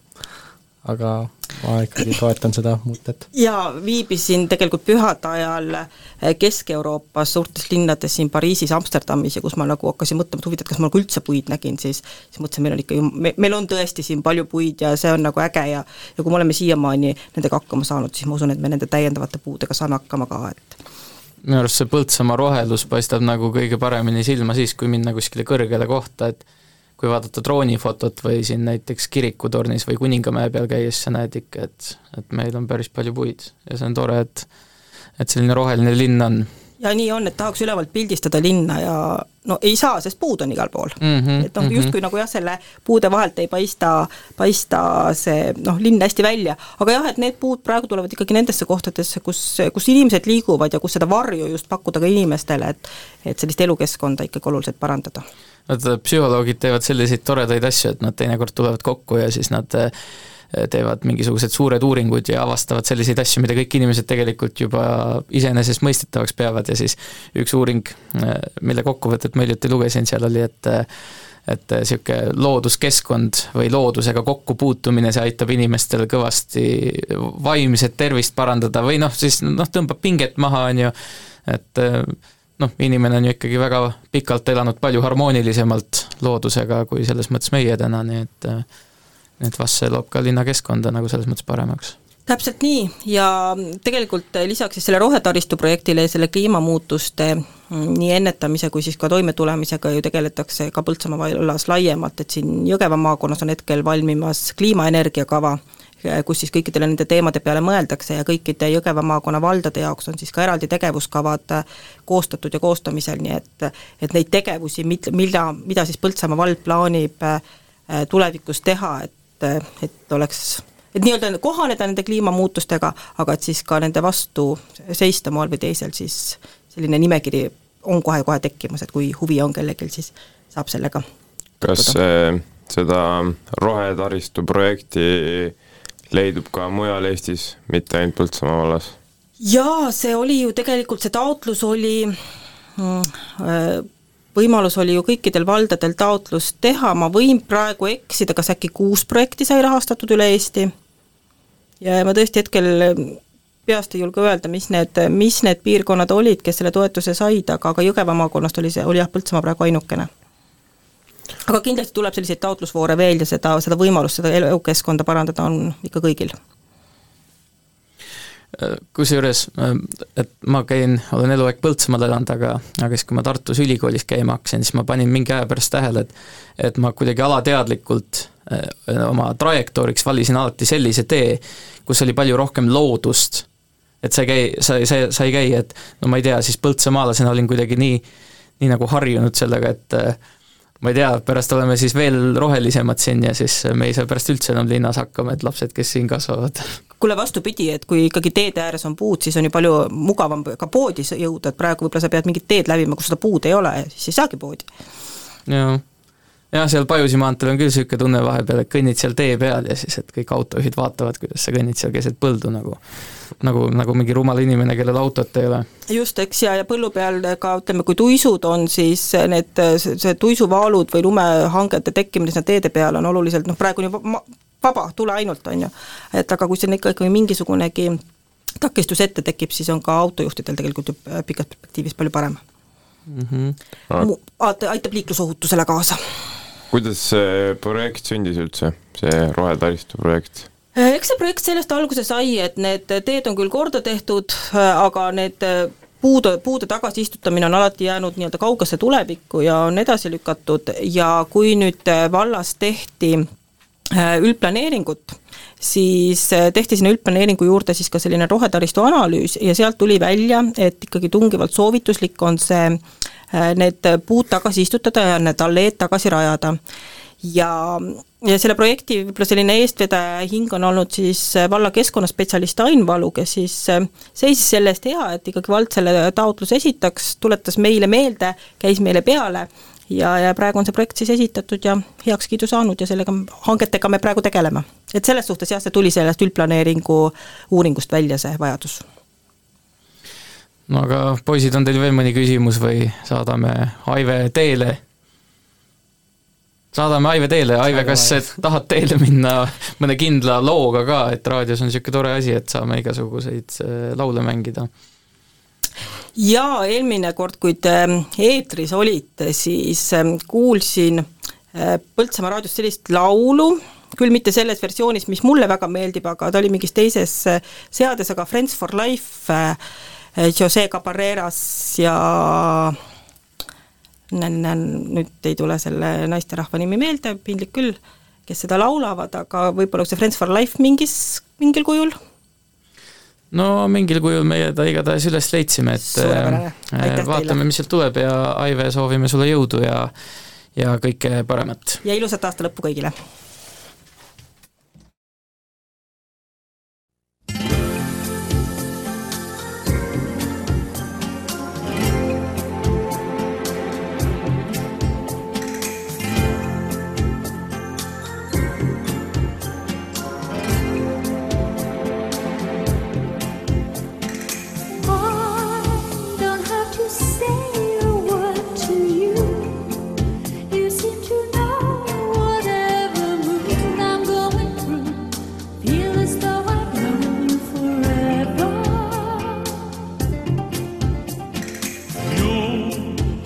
looking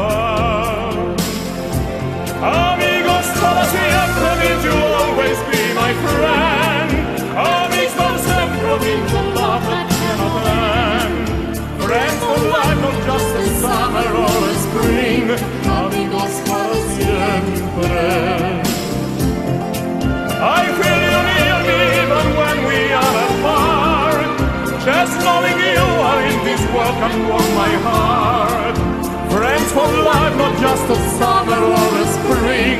Amigos para siempre.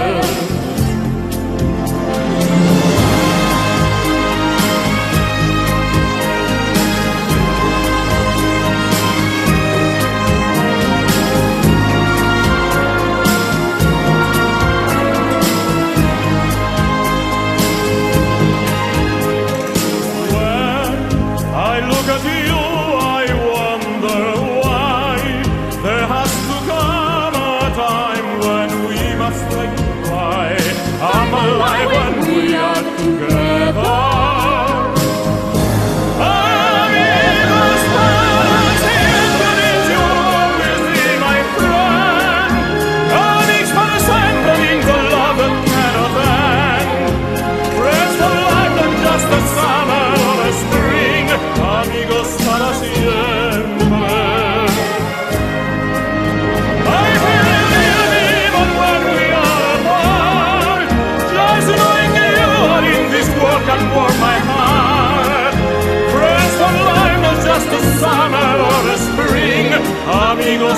brasileiro.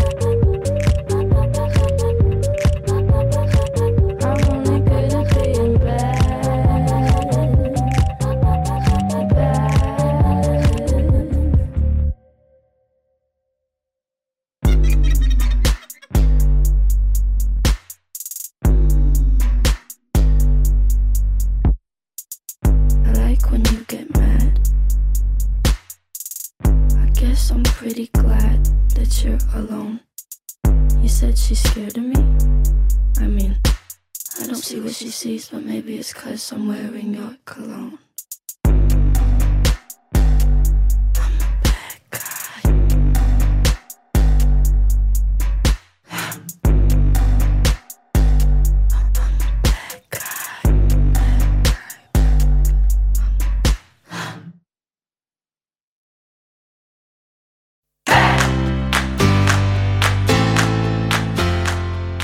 Kesk-Eesti võimsaim maamärk Põltsamaa loss ootab sind külla. tule külasta muuseumit, käsitöökodasid ja näituseid. korralda sündmus ajaloohõngulises restoranis või uhkes rokk-koosaalis. telli lossi ekskursioon või imetle kaunist kirikut.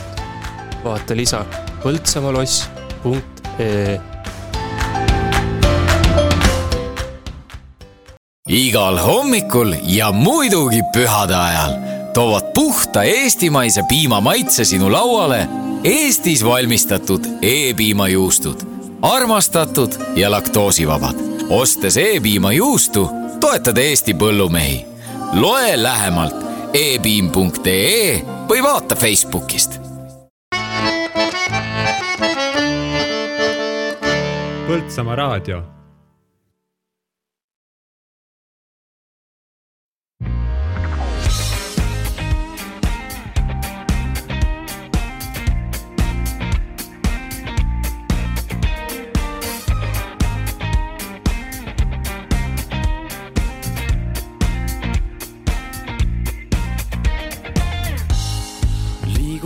teiste tuules, muud ei näe, ei kuule. lootusetult aeg kaob käest, juba mitmes õhtu, veel ei tea, mis juhtub. kui kahtlaselt kõik vaikseks jääb, nii kesköö eel sind kohtan jälle. juhuslikult leian su, siis haarad käest ja ütled mulle tuled kustuta, tuled kustuta, tuled kustuta, tuled kustuta, sest tahti täis on öö, see kisub kaasa ja enda sisse neelata võiks meid. tähti täis on öö, see meid haarab ja meeletusteks annab põhjuseid.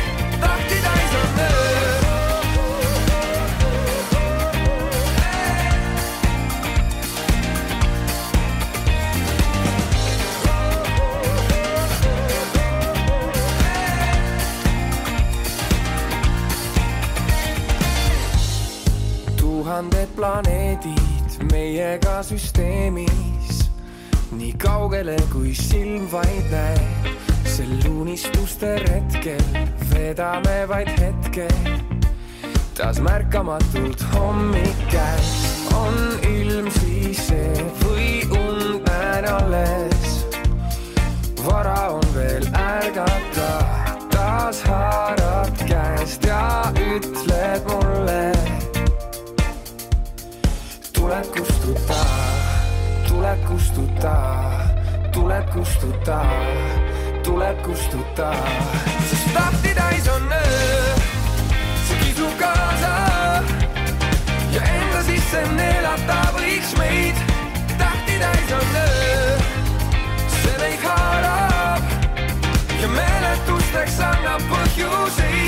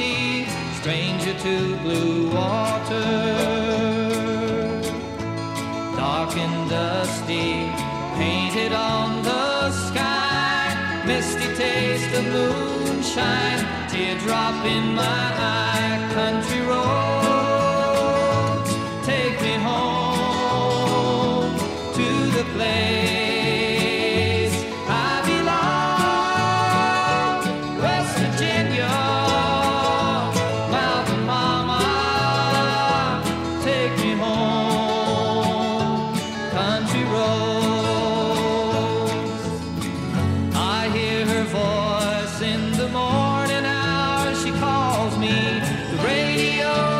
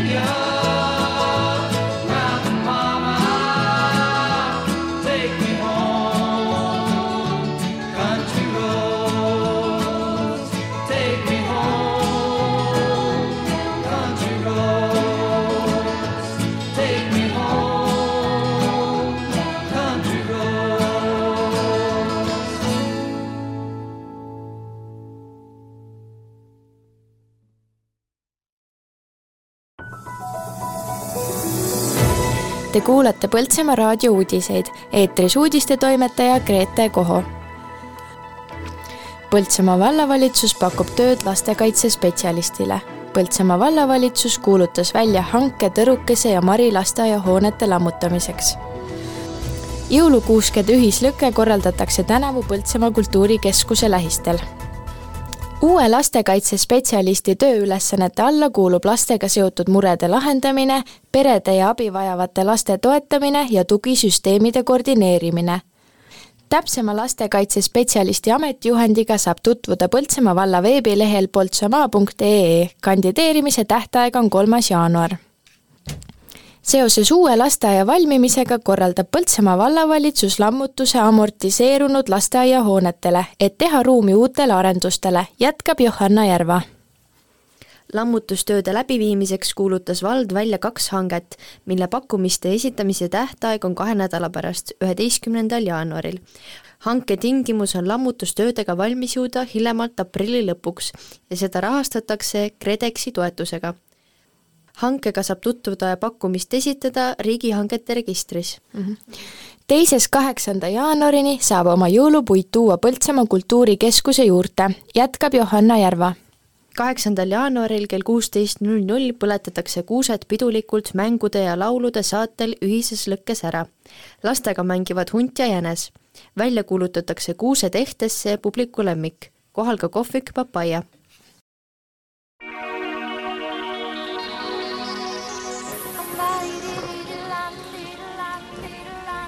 öösel pilvisus tihenes, Lõuna- ja Lääne-Eestis sadas mitmel pool lund, saartel ja läänerannikul ka lörtsi ja vihma, hommikuks sadu hõrenes, kohati tekkis udu, oli jäiteoht. tuul pöördus kagusse kolm kuni üheksa, saartel hommikul puhanguti kuni neliteist meetrit sekundis.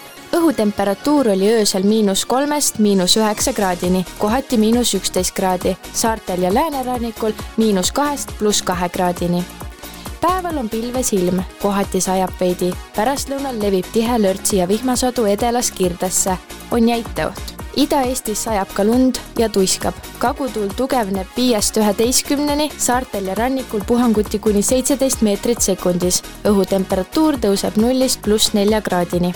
Saaremaal on päeval neli sooja kraadi, Tallinnas, Raplas ja Viljandis üks kraadi, Võrus null kraadi, Narvas, Tartus ja Põltsamaal üks külmakraad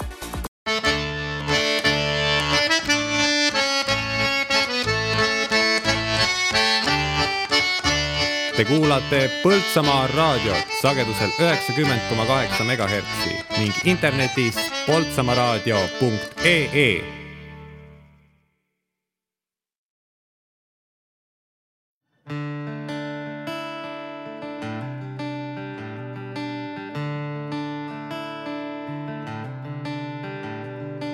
aeg laulus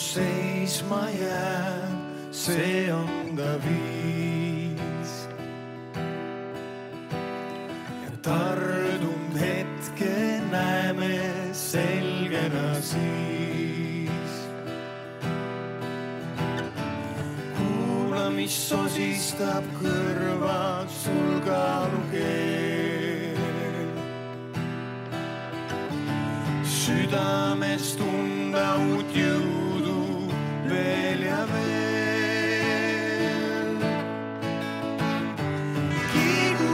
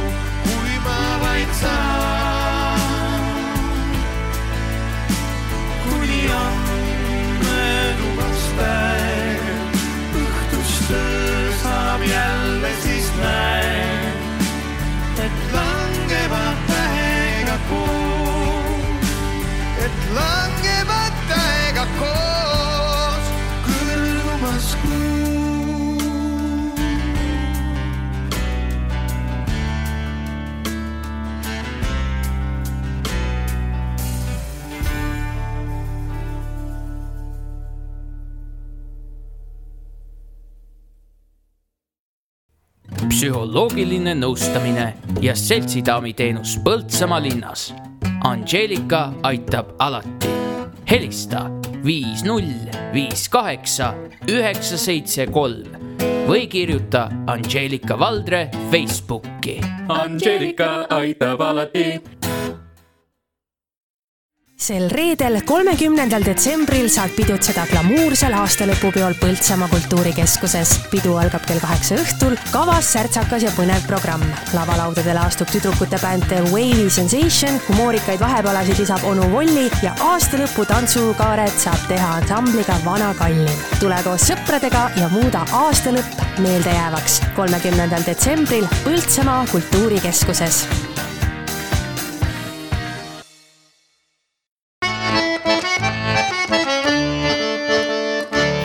Põltsamaa raadio.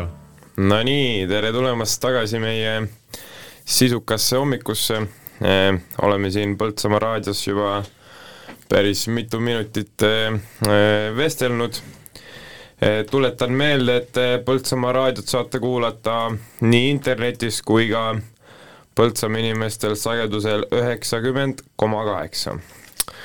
oleme siin jätkuvalt kolmekesi mina, Mattias ja Samuel. Aive läks ära. Aive läks ära, oli, oli tore, oli tore. kuna me oleme siin juba eh, pikalt rääkinud ja on tulnud mitmesuguseid teemasid, siis eh, kuna tänapäeva elus on eh, sotsiaalmeedia väga, väga kõva teema ja on seal väga mõjukaid inimesi, siis eh, on üks, üks mees, kes eh, kellel on väga, väga suur eh, arvamus ja enesekindlus. Samuel, kas sa tead, kellest ma räägin? no isegi kui ma huupi pakuks, siis ma arvan, et äh, vaadates viimaseid sündmusi, ma pakuks õigesti. ma arvan ka. kellest me räägime? Mattias. Evert Poom. okei, okei, jah, Andrew Tate ma pakun. mm. -hmm. oled, oled eh, Kuldväljaku küsimusele täiesti õigesti vastanud. jah, kes on Andrew Tate, on siis ke- jälle, kes ei tea, vanem, vanemad inimesed. ja ma ütlen siia sinu ette väikse lihtsalt märkuse, et äh, tasub kuulata nüüd kõikidel, kes ei tea, sest siis te ühel hetkel saate sellest tead-, teadma, sest kui teie ei tea, siis teie lapsed kindlasti juba Just. teavad. Nii et Ta- tahtsin- Mattias, palun, sõna sulle tagasi. tahtsin ka seda öelda, et jah, et äh, Andrew Tate on siis kolmekümne kuue aastane vist äh, retired, mis see eesti keeles on? Retard või mis? Retired, retired. no pe-, nagu pensionär- pension, pension, kolmekümne, pensionär. kolmekümne kuue aastane pensionär, väga enesekindel mees. äh, endine, endine jah, endine kick-pokser siis äh, ja ärimees, I guess. ja ütleme, jälle see aasta on nii kähku läinud, et ma isegi ei tea, kas ta nii-öelda sai kuulsaks eelmine aasta või see aasta, minu arust see, see aasta, aasta, see aasta. ma olen näinud hästi palju mingeid eh, Instagram reel'e ja Mhm. Youtube shorts'e, kus ongi, et et kaks tuhat kakskümmend on läbi, et mis siis, mis siis on juhtunud ja siis ongi, et Andrew Tate on siis nagu nii-öelda pop-off inud. jah, et äh, ta reaalselt plahvatas. see tuli nii järsku, et ta Jaa. plahvatas. mitte kuskilt lihtsalt, mitte ei kuskilt. mina, mina mina küll isiklikult TikTok'i ei kasuta, aga ma tean faktina, et äh, oli aeg, kui põhimõtteliselt iga video oli Andrew Tate lihtsalt. jah, et ja miks ta siis nagu kuulus on, et tal on äh, britid tegid muide statistika, panid kokku, et nende riigis Andrew Tate oli kõige guugeldatum inimene Mm. aastal kaks tuhat kakskümmend kaks. ja ta läks isegi Donald Trumpist ja Kim Kardashianist mööda. alati seal jah. ma arvan, et see on üle maailma on üks, üks kõve, kõvemaid nimesid eh, tänapäeval praegu. et see, see lause peab väga hästi paika, et kui teie ei tea, kes ta on, siis teie lapsed arvatavasti teavad. mitte arvatavasti, vaid suht kindlasti. kindlasti jah, üheksakümmend viis protsenti võimalust, et teavad. Ja ta on jah, ta levitab oma, avaldab oma arvamust väga julgelt ja kohati äh, väga jälle ma ei tea eesti keeles seda sõna, aga controversial arvamused. vastuolulised arvamused. väga vastuolulised arvamused. hea, et ma siin olen, ma saan sind tõlkida Jah, ikka. kuule, sa võid täiesti inglise keeles rääkida, ma tõlgin kõik ära. So anyway ähm, jah, ja äh, ah, üks huvitav fakt, miks ta TikTokis igal pool on, kui ma ei eksi, siis seal on mingi jälle noh, nagu mainisin eelnevalt, on nagu ärimees, et tal on äkki mingi course või mingi kursus, mingi kursuse asi, et kuidas äh, rikkaks saada, mis iganes. ja siis seal, ma täpselt ei mäleta, aga mingi asi, et tema, et ta lasi oma fännidel nagu repost ida, no seda ei saa eesti keeles, uuesti, jah, post-, postitada No jagada edasi sotsiaalmeedias, jagada edasi tema klippe ja jagada hashtag'e ja asju, trelle. Ja äh, ja võtmesõnu. Ja siis äh, sealt ta nagu algoritm Al-, algoritmis nii-öelda ongi lihtsalt teda palju. No põhimõtteliselt ta oli juba enne ka, ta oli rikas, on ju, noh, ta oli miljonär, aga noh, kuigi miljonär on väga kõva sõna ja kes ei tahaks olla miljonär, siis äh, ta ikkagi nüüd on vist saanud ikkagi juba miljardäriks. ja, ja, ja noh, ta oli selline noh, maailma mõttes ta oli ikkagi keskpärane miljonär. et ta ei paistnud eriliselt silma nagu teised, noh, nagu mingi Bill Gates või Jeff Bezos või Mark Zuckerberg paistsid silma, eks.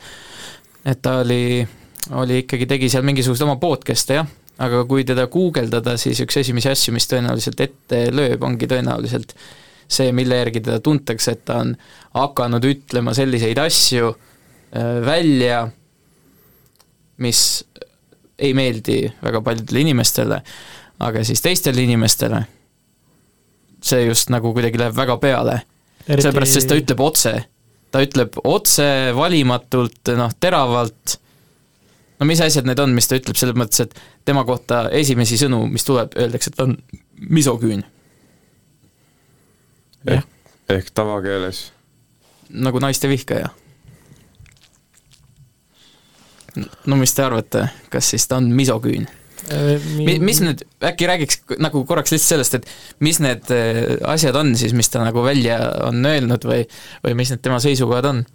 Mis te teate tema kohta? praegu, mis mul pähe tuleb jälle, ta on noh, vend on tal täpselt samasugune, ainult natuke rohkem musklis ja ma ei mäleta, kumb neist, aga kumbki neist mingi tegi siukse, nagu rääkis äh, podcast'is või mis iganes, et äh, et äh, pettis oma naist ja siis naine jättis seda maha ja siis äh, üks teitidest siis ütles, et äh, kui ta mind nii lolli põhjuse pärast maha jätab, siis äh, ma ei tahtnudki seda naist. see on natukene nagu sihuke jah, veider.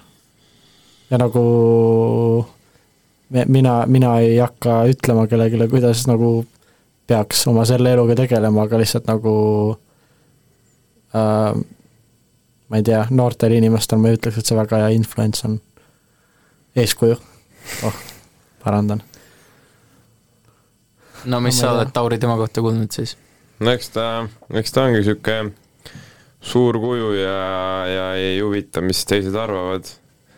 ja ajabki oma rida ja noh, see naiste vihkamine, see, et mehed on kõige kõvemad, see on muidugi vale, aga, aga kõik see kõva töö ja see ärimaailmas seal ta on ikkagi, ikkagi kõva vend. ja, ja selle, selles suhtes peab nagu respektima, et ta nagu teab, mis ta teeb.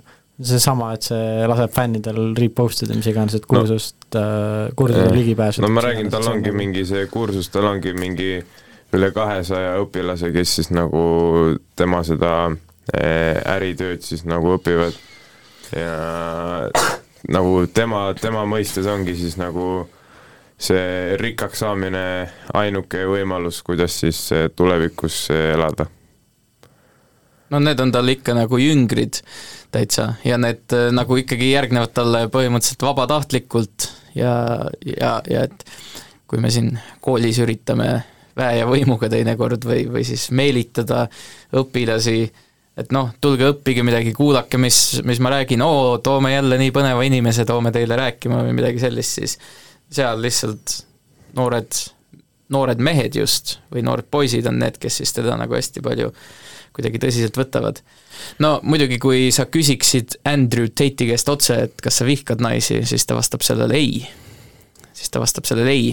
üks, üks väide, mis ta tegi, ma ei mäleta peast seda riiki, kus ta vist isegi nagu elab, aga ta ütles, et üks põhjus, miks ta sinna läks, oli see, et nagu väiksem võimalus, et äh, vägistamises kahtlustatakse või midagi niisugust. ma ei, ma ei saanud täpselt aru, mis ta sellega nagu mõtles, aga okei okay,, jah, tõepoolest, et ta elas Inglismaal algselt, aga siis ta läks ja elas kuskil Romaanias ja ja nüüd siis Romaanias. vist hoopis äh, Dubais. no eks tal on äh, igas riigis, ma arvan, mingi, mingi kodu, kus kui läheb sinna, siis saab seal nojah, et ta on nii rikas, on ju. aga no näiteks üks selline seisukoht, mis ma olen kuulnud, mis ta ütles kuskil mingisuguses podcast'is või ta- taskuhäälingus välja, oli see, et ta ütles siis, et, et jah, et kui, et minu õde on tema abikaasa omand. Inglise keeles oli see, et uh, my sister is her husband's property ja, ja kusjuures Youtube'is on üks väga põnev intervjuu, et kui, kes inglise keelt valdab ja, ja tahab noh, selle fenomeniga tutvuda, siis ma ütlen, et Andrew Tate ei ole lihtsalt üks mees, ta on, ta on nagu fenomen, siis äh, tasub vaadata võib-olla seda, kus ta rääkis Piers Morganiga. et Piers Morgan aitab teda natuke tõlkida, tõlkida ka siis nagu inimestele, kes siis võib-olla temast päris hästi aru ei saa ja küsib talt nagu päris kriitilisi küsimusi ja siis ta seal ütles selle kohta hoopis midagi sellist, et näed, et see oli hoopis mingi religioosne seisukoht või midagi. et äh, ja, ja mis on väga huvitav tema see, selle religiooni puhul just, et ta on moslem ju. Ta on hakanud moslemiks, ta oli kunagi ateist, aga ta siis ta hakkas moslemiks. ja, ja talle meeldib ka islami usu juures see mitme naise pidamine näiteks. et, et ta peab seda seda kuidagi,, seda me oleme näinud mitmetes videotes. aga mis, mis teie arvate, kas, kas see niinimetatud Matrix eh, on siis eh, olemas, millest ta siis eh, räägib, et et Matrixist tuleb välja astuda ja et Matrixis ei saa elada? no ta ütleb siis sisuliselt seda, on ju, et et enamus inimesi on lambad, kes elavad Matrixis ja et see, et nad teevad üheksast viieni palgatööd, et nad on lollid lambad, selle, sellepärast ja see ongi siis justkui, see on siis justkui nagu Matrix. et ma just vaatasin mingi päev, vaatasin Andrew Tate'i jõulusõnumit ja seal ta siis naeris nende inimeste üle. ja, ja ütlebki seda veel, et aga Matrix või? Või nojah, mida arvata sellest, et üheksast viieni töö on siis loll või kuidas ta ütleb seda? et jah, see ei ole mingi elamine, et eh, üheksast viieni, kui sa käid tööl. nagu ma ei tea, minu arvates nagu kõikidel, kõiki, kõikidel inimestel ei olegi see glamuur ja see nagu, mis nad nõnda isaldavad, et mõnel ongi niisugune, sobib niisugune nii-öelda lihtne elu, ma ei tea. ma ei ütleks, et see ei ole nagu viis elada. Ei no tähendab, et ma ei, ma ei ütle, et see ei ole viis elada, jah. ei no selles mõttes ma, ma ei kujuta ette nagu, mida ta mõtleb, ma arvan, ta selle peale ei mõtlegi, et kuidas nagu ühiskond toimiks, ega see ei ole ju mõeldav, et kõik saakski mingisugusteks ettevõtjateks või ma ei tea, kas või viiskümmend protsenti saaks või isegi kümme protsenti, noh, see on, see on nagu selles mõttes liiga palju.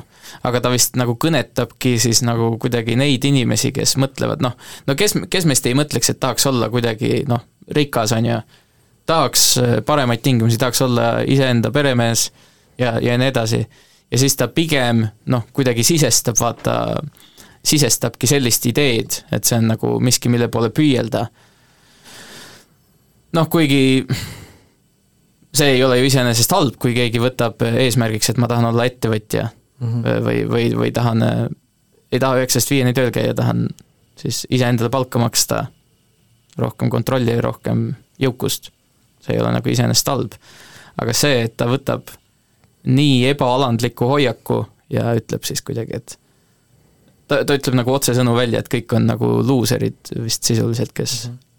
kes on need töötajad jah, mis äh, me ju teame, et, et sotsiaalmeedias ta ju mingi aeg äh, sai siis nii-öelda bänni, kuidas eesti keeles? keelu. keelu, keelu peale nojah, visati mitmelt sotsiaalmeediaplatvormilt välja mm.. vist isegi öö, noh, kuigi see jälle, et öö, fännid nii-öelda tal nagu postitasid klippe ikkagi edasi, et selles suhtes ta nagu relevantne. ta ei kadunud kuhugi see sisu andis- ei kadunud kuhugi, aga tema see- ise nagu sai, jah. see andiski talle ju mingil määral jälle seda eneseuhkust juurde, et, et mind bänniti ära, aga minu, minu sisu toodetakse ikka igal pool edasi. kuigi minu arust isegi sel-, sellele, seda veits piirati, kui mainisid Andrew Tate'i, siis no nagu come on, sa ei saa seda piirata, kui sul on Mm, seda- mingi räigelt fänne ja igaüks postitab seda, siis seda on suht raske nagu eh, ära kustutada või, või piirata. vot see ongi see, vaata, see on nagu tänapäeval üritatakse järjest rohkem kuidagi, et et need, kelle seisukohad meile ei meeldi, et, et me nagu viskame nad välja justkui mingisugustelt oma kanalitelt ja siis neid ei ole pildis.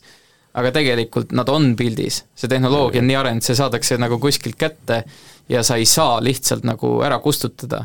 ma ütleks, et pigem sellega sa valad õli rohkem tulle ja sa ke- keerutad nagu mingit trotsi, keerutad inimestes üles, annad sellele inimesele isegi sellist äh, kandepinda või populaarsust veel rohkem juurde. täpselt, ma arvangi, et ta, et tänu sellele cancel damisele või sellele bännimisele ta saigi just seda nagu hoogu juurde, et veel nagu ennast nagu kehtestada ja öelda, et mis, mis mina arvan. et see populaarsus, ma arvan, see põhipopulaarsus tuligi sellest, kui ta selle cancel'i ja bänni peale sai. ja kuidagi kell on kümme kakskümmend neli ja mõtteid ette, aga nagu päeva lõpuks äh, see cancel imine või see nagu tõi just tähelepanu talle veel enam juurde. et mm -hmm. nagu see, nagu üks äh, UK kõige suurimaid Youtube erid on öelnud, et ainukene, kes sind cancel ida saab, oled sina ise, et nagu Andrew Tate on ehtne näide sellest tegelikult, et need asjad, mis ta ütleb, et nagu ik-, ikka on pildis mm. -hmm. nagu et jah, olekski ta nagu pillid kotti pannud ja enam mitte sõnagi rääkinud, siis ta ei oleks siin, aga ta ikka nagu jäi endale truuks ja aga kui me räägime, mis on ta halvasti ütlenud, aga mis te arvate, mis, mis, mis, mis on need eh, head väited ja mis nagu peavad eh, paika?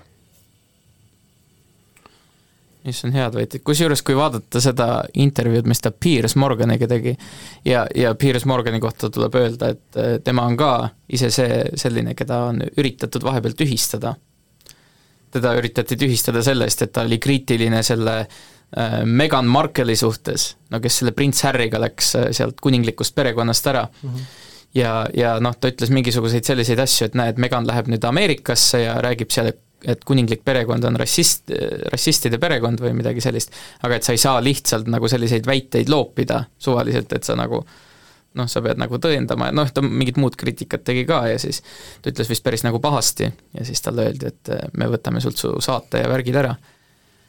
ja siis ta ütles, et võtke aga võetigi ja siis ta tegi nagu selles mõttes oma saate, noh jälle selle cancel damise kohta on ju, et, et, et kui sa lased ennast nagu cancel dada, et kui no, sa siin ta on jälle praegu.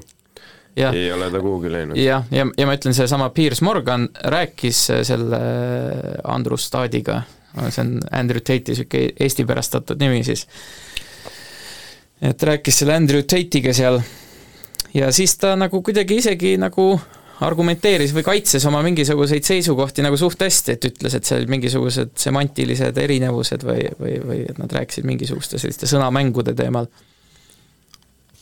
et no mis ta hästi, nojah, eks seal on kindlasti mingisugune hea selline praktiline mõju, on ju, et võib-olla kui keegi tõesti hakkabki, ma ei tea, ennast paremaks inimeseks tegema selle tõttu, noh, just esmalt, ma ei tea, kas siis füüsiliselt hakkab rohkem trenni tegema või siis äh, võtab oma elus kuidagi hoovad rohkem enda kätte.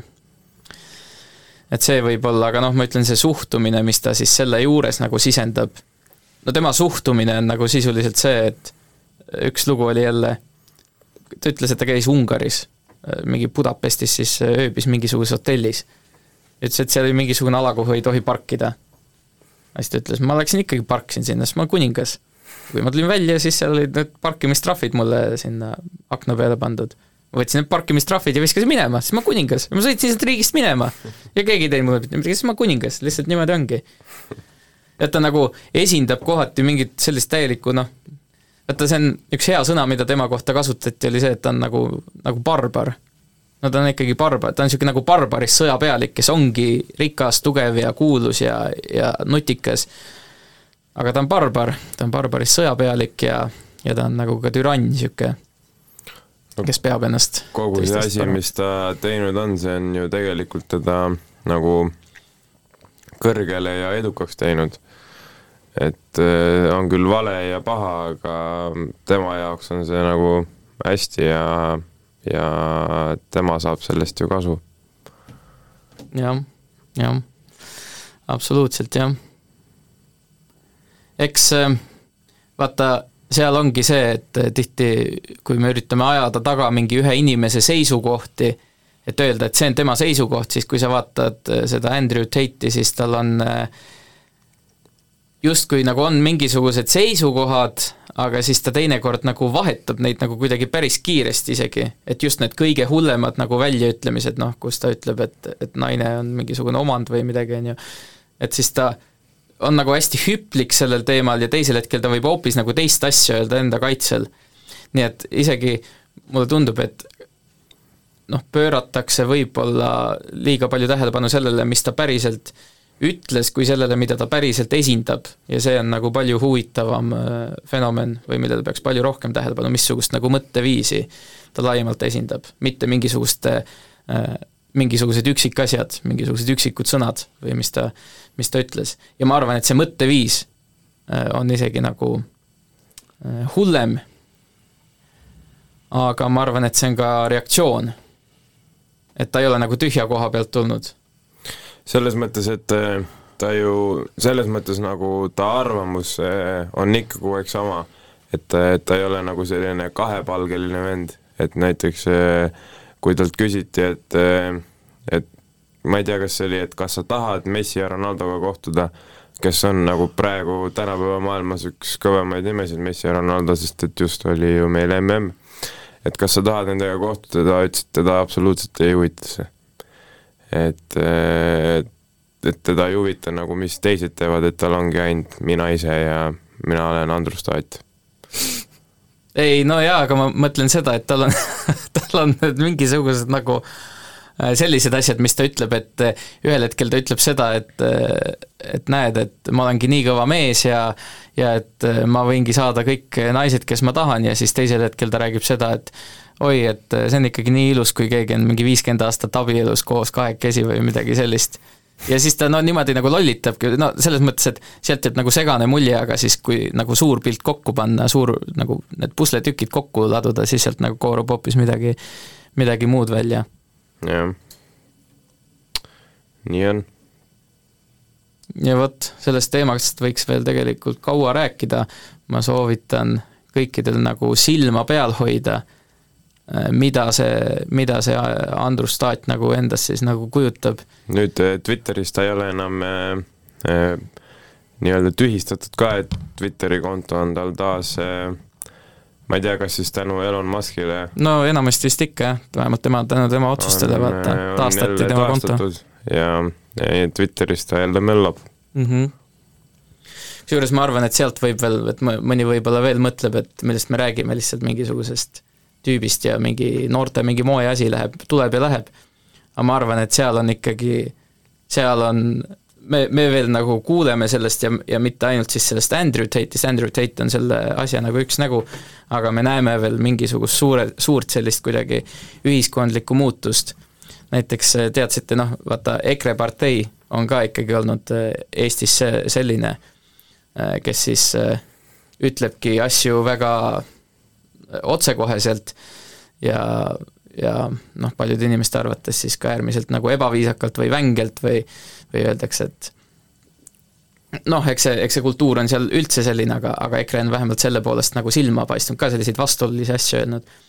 ja, ja minu arust äh, see, et ikka veel mingisugused arvamusliidrid räägivad näiteks seda, et nad ütlevad, et näed, et EKRE-t valivad mingisugused äh, lollid äh, vaesed maainimesed, noh, ta, tahetakse lihtsalt niimoodi maha teha, siis äh, uuemad statistikad näitavad seda, et EKRE on Eesti noorte meeste seas kõige populaarsem partei näiteks. et neil asjadel nagu tasub silma peal hoida ja üks see... küsimus siia lõppu, et et mis, mis teie arvate, kas see Andrew Tate on meie ühiskonda oma ilmumisega muutnud? ja, ja kui on, siis kuidas? oota, mis see küsimus oli? et, et kas Andrew Tate on ilmumisega muutnud? ühiskonda? jah. ja kui on, siis kuidas? võib-olla, noh, see ei ole küll nagu suuremas pildis võib-olla, aga kindlasti noortemate äh,, noortemate meeste mingeid mõttemaailma asju ikka, ma ei oska veel öelda, kas negatiivselt või positiivselt, no ilmselgelt Eestis ei ole see see, ma arvan, nii suur probleem kui USA-s, USA-s nagu ma arvan, iga teine väike jünger, kes sulle koolis vastu kõnnib, on mingi, ma ei tea, kiilakas ja päikseprillidega ja ütleb, et ma võin saada iga naise, kes ma tahan, aga enda pole kubema karvugi veel, et ma ei tea jah, ma ei, ma ei oska no Eesti on vaata õnneks niisugune koht ka, et äh, kõik asjad, mis nagu mujal maailmas kuskil Ameerikas või Lääne-Euroopas juhtuvad, Eestisse need äh, väljenduvad nagu lahjemalt mm. -hmm. Et, et me oleme ikkagi nagu natukene teistmoodi, see on nagu tore. aga kas ta on muutnud, noh, eks ta on kindlasti midagi muutnud ja mõjutanud, aga nagu ma enne ka seletasin, et et ma arvan, et ta esindab mingisugust sellist, sellist ähm, kuidas öelda siis, mingit vaimsust või mingit hingelist seisundit, no seda ei saagi päris nagu mõtteviisiks nimetada, sest see ei ole nii ühtne nagu mõtteviis või midagi sellist. aga ta esindab midagi sellist, mis nagu pulbitseb, mis on veel nagu kaane all ja, ja, ja me hakkame nendest teemadest veel rääkima ja ma mõtlen, peaks ikkagi järgmisel raadioajal nagu päris, järgmisel raadiohooajal ikkagi päris sellise selle fenomeni saate tegema, rääkimegi Andrew Tate'ist ja kutsume Andrew Tate'i saatesse. kutsume Andrew Tate'i siia saatesse, uus saade Romaania inimesed. jah, äkki selleks ajaks meil on juba kujunenud välja keegi, kes on nagu niisugune Eesti versioon Andrew Tate'ist, vaata. Risto protsent. no äkki, äkki, äkki Isto protsent jah, midagi sellist. jah, ei kujuta ette. no vot, Isto protsent tahtis ka. kas, kas te võtaksite raadiosse Andrew Tate'i? kui ta siia tuleks kui ta või? tuleks? Aga miks, miks ma ei võtaks, kui mul avaneks võimalus temaga vestelda niimoodi? no see, mis, mis küsimus see on? kui Donald Trump tuleks, et kas ma siis võtaksin või Ja Joe siis- Biden või siis- Greta Thunberg, no kõik võtaksin. siis Piers Morgan küsib, et aga kui Hitler tahaks tulla? kui Hitler tahaks tulla. no Hitler on surnud kahjuks, et Muidu kahjuks muidu- võtaks. õnneks või kahjuks, no selles mõttes, et tahaks teada, mis ta mõtles. seda me ei tea kunagi. Ei no vot, eks see on nagu selles mõttes keeruline küsimus jah. aga, aga neil teemadel tõepoolest tasub siis äh, silma peal hoida ja paneme siis siia lõppu mängima sellise pala, mis öeldakse, et on siis nagu selle Andrustaadi mingisugune taustamuusika või, või teda iseloomustav, kujundav laul, mingisugune prantsusekeelne laul ja võib-olla võiks isegi vaielda, et see on ebaeetiline, sellepärast sest selle laulu autorile nüüd läheb kuskilt äh, autoriõiguste kaudu läheb mingisugune null koma null null kaks senti või midagi sellist. et äh, tühistage Põltsamaa raadio, mis seal ikka. Il était brun, le teint basané, le regard timide, les mains tout abîmées. Il taillait la pierre, fils d'ouvrier. Il en était fier, mais pourquoi vous riez? Non, ne le jugez pas. Vous qui ne connaissez pas les vertiges et le faussement heureux, vous troquez vos valeurs. Lui, il est tout mon monde et bien plus que ça. Seul je crie son nom quand vient le désarroi. Et puis tout s'effondre quand il n'est plus là. J'aimerais tellement lui dire, mais je n'ose pas. Lui qui me fait tourner dans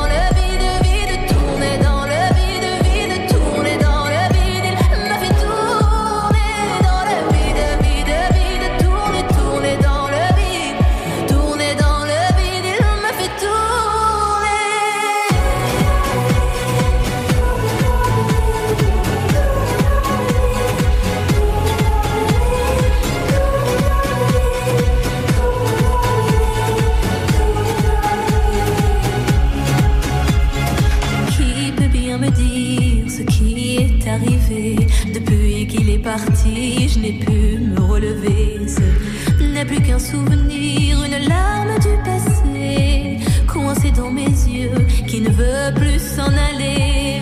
Oh non, n'oubliez pas, vous qui me connaissez.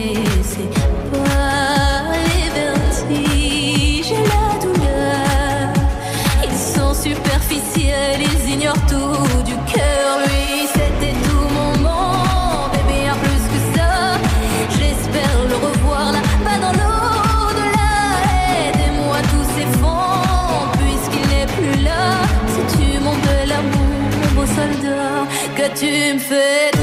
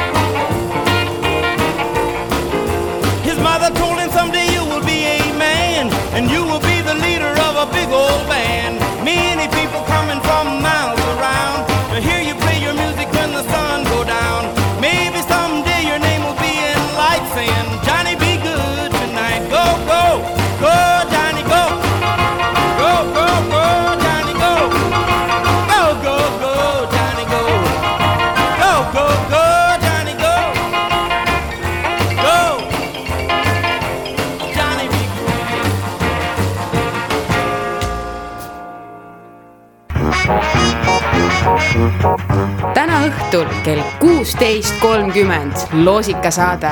et võita, jälgi Põltsamaa raadio sotsiaalmeediakanaleid nii Facebookis kui ka Instagramis.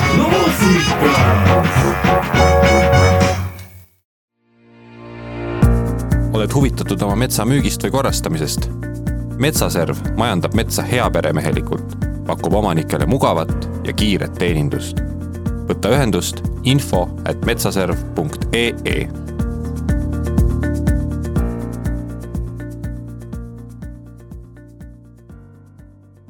igal hommikul ja muidugi pühade ajal toovad puhta eestimaise piima maitse sinu lauale Eestis valmistatud E-piimajuustud. armastatud ja laktoosivabad. ostes E-piimajuustu, toetad Eesti põllumehi. loe lähemalt e-piim.ee või vaata Facebookist. Põltsamaa raadio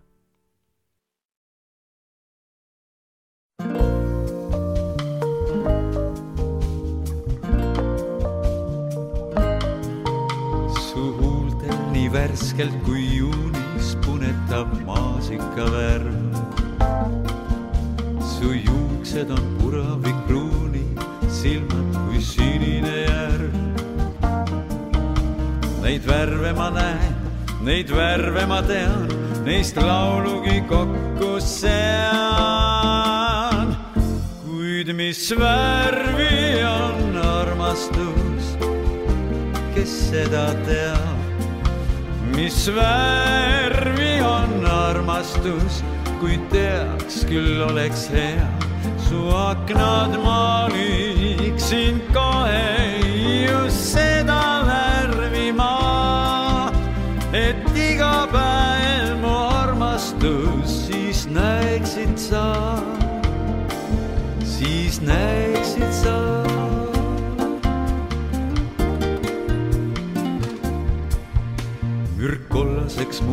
mind ootus, sinuta maailm on hall.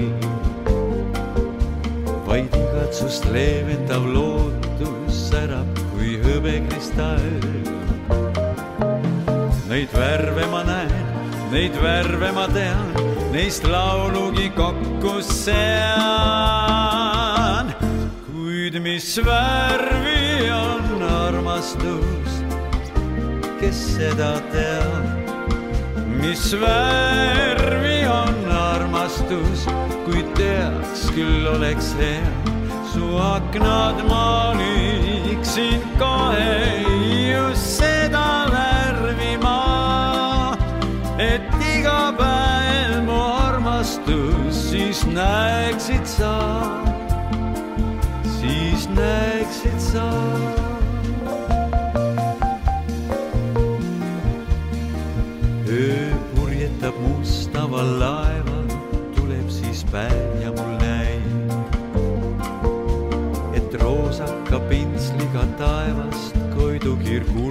kuldamas käib.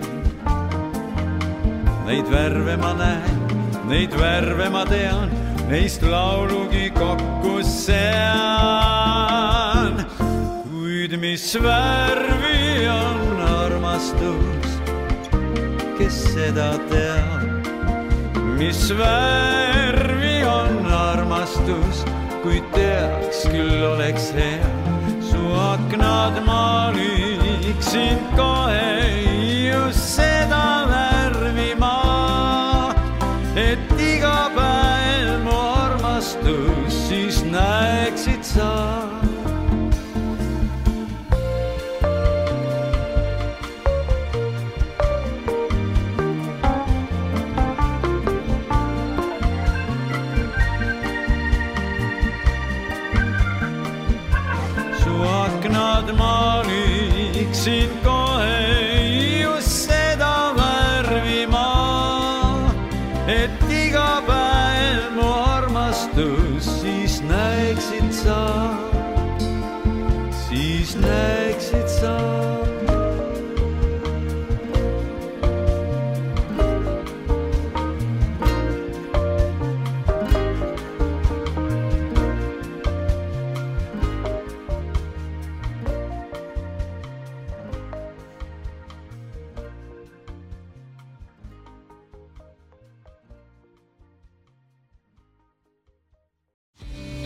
valipress trükikoda soovib praegustele ja tulevastele klientidele meeldejäävat uut aastat puitprofiil saadab oma kollektiivile ja teistele valla elanikele parimad pühadesoovid. palju rõõmu südamesse, meeldejäävaid hetki lähedaste seltsis ja kordaminekuid uueks aastaks sel reedel, kolmekümnendal detsembril saad pidutseda glamuursel aastalõpupeol Põltsamaa kultuurikeskuses. pidu algab kell kaheksa õhtul, kavas särtsakas ja põnev programm.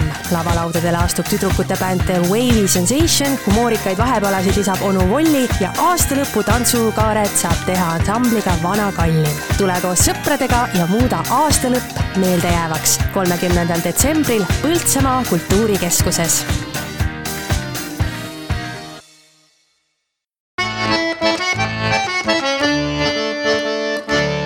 Põltsamaa raadio. Põltsamaa raadio, tõepoolest, ja hommikuprogramm Hommikuloomad hakkavad nüüd eh, oma otsale jõudma, nagu ka see aasta. mina olin eh, Samu Lakse Maikalu, siiamaani olen jätkuvalt ja eh, suure tõenäosusega ka edaspidi ning minuga olid siin Mattias Orav ja Tauri Kalmet eelnevalt olin Mattias, nüüd olen Mattias Mattias, jah.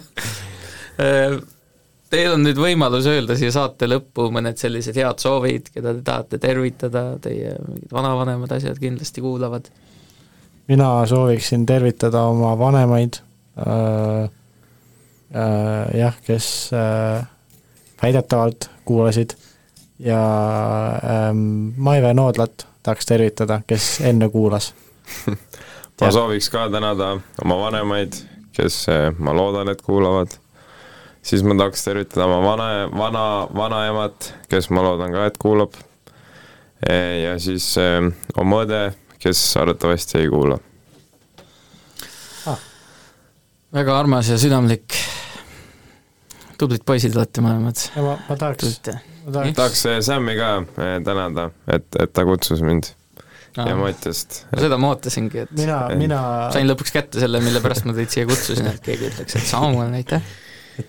sellega on äh, lühike naljakas lugu, et ma noh äh,, kolmas mees, kes meil pidi siia tulema, Marko jäi haigeks, siis äh, mõtlesime alguses teeme Sammi kahekesi, mõtlesime, et no kolmekesi saab rohkem nalja äkki. Ja siis kirjutasin Taurile, Tauri ütles, et noh, ta kolm tundi ei vastanud mulle. ja siis äh, Saamäe helistas talle ja siis kaks minutit hiljem Tauri kirjutas mulle, et okei okay,, ma ikka pean tulema vist. et siia me jõudsime niimoodi. ja siin me oleme ja, ja saade sai tehtud. oli raske, kas sa kardad mind, Tauri, või? ei karda, ära muretse. aa, väga hea. ma pidin sulle ju seitsme tuule poole tulema laulma, nii et aa, suurepärane, jah. vist, vist on kõik hästi ja tegelikult see lugu oli veel alguses niimoodi, et äh, sina olid ka asendusliige tegelikult äh,, Mattias okay.. ja, ja Marko, kellega sa koos pidid tulema, oli asendusliige. et äh, alguses pidi siin Joosep Helve ka olema, aga Joosep Helve ei saanud tulla äh,. ja siis alguses pidi Siimar Kivisild siin ka olema ja siis tema ei saanud ka tulla, nii et te olete nagu asendus, asendus, asendused või noh, midagi sellist, et väga väga jah. väga tore on back-up olla ei, sa, sa ei ole lihtsalt back-up, sa oled back-up'i back-up. jah, veel hullem. see, see pane oma kuskile BIOS või kuskil või CV-sse. ma, ma tahtsin just enne öelda, et aitäh kutsumast, aga nüüd võtad tagasi need sõnad.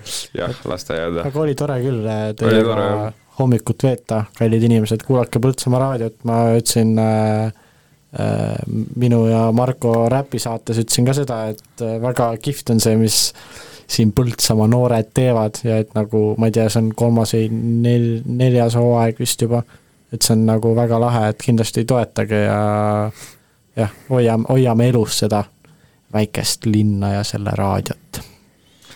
aga aitäh teile ka ja juba siin seitsme-kaheksa minuti pärast kell üksteist Toivo Uusna tuleb ja vestleb, siis vestles Eeva Nõmmega siis Põltsamaa inimeste saates aga senikauaks jätame siin saadet lõpetama natuke sellist äh, rütmikamat ja heatujulist äh, muusikat. kõike paremat, aitäh, et kuulasite! nägemist!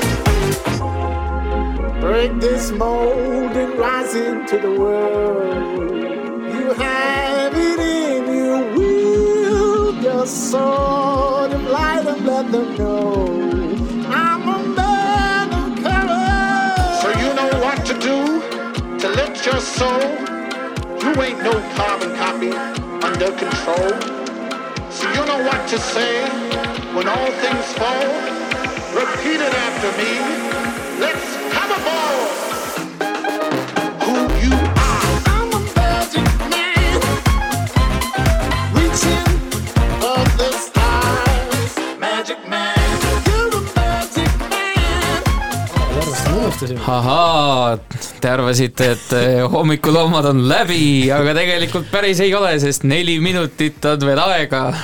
ja me saime teada, et me peame välja andma eh, Decora kinkekaardi, mis sai välja lubatud ja lubadusi peab pidama. õige.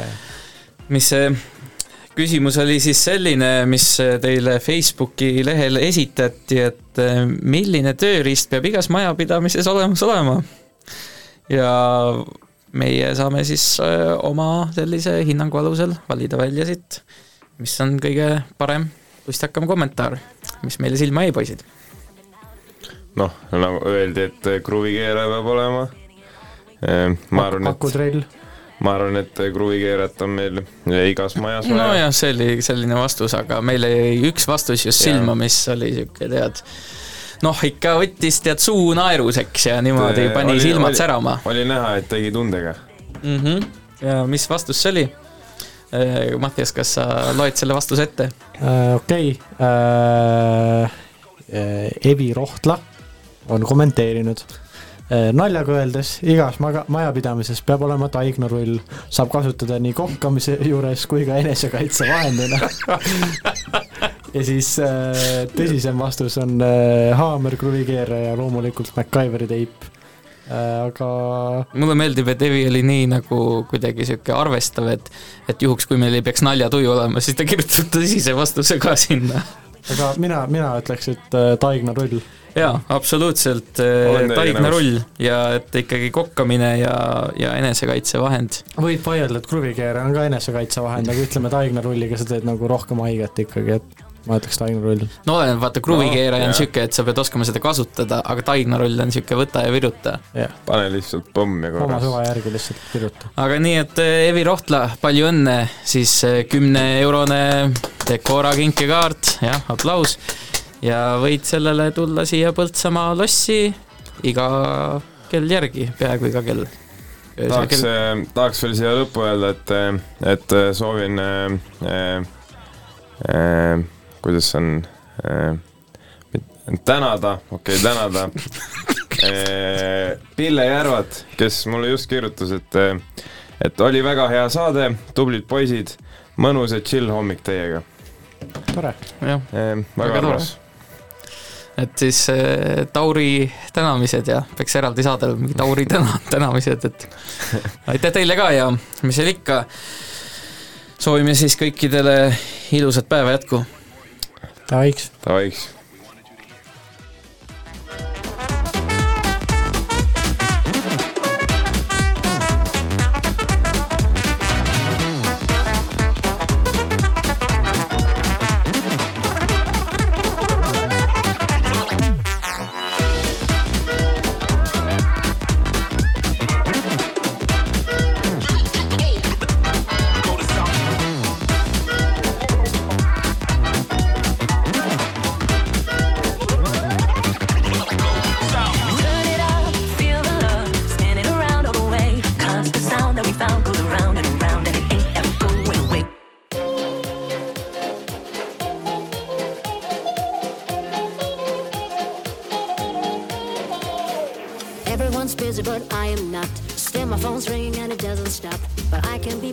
Pick it up. Cause, cause, I can move a mountain cause I have done so. Today's chances are slim to none. So please don't tell me what to do. Cause, cause, I can do this, but I think I won't.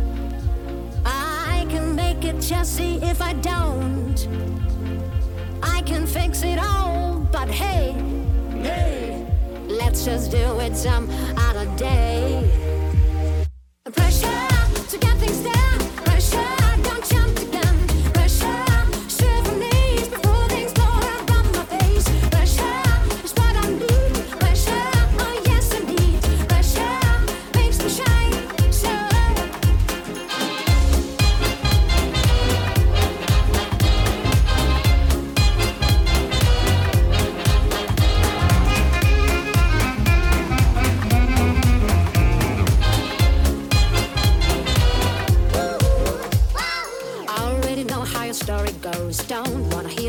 Tragic flows. I can't be bothered to listen now, cause, cause I'm not lazy, you know, I've tried, but for me it doesn't work from nine to five, so I just do it at my own pace.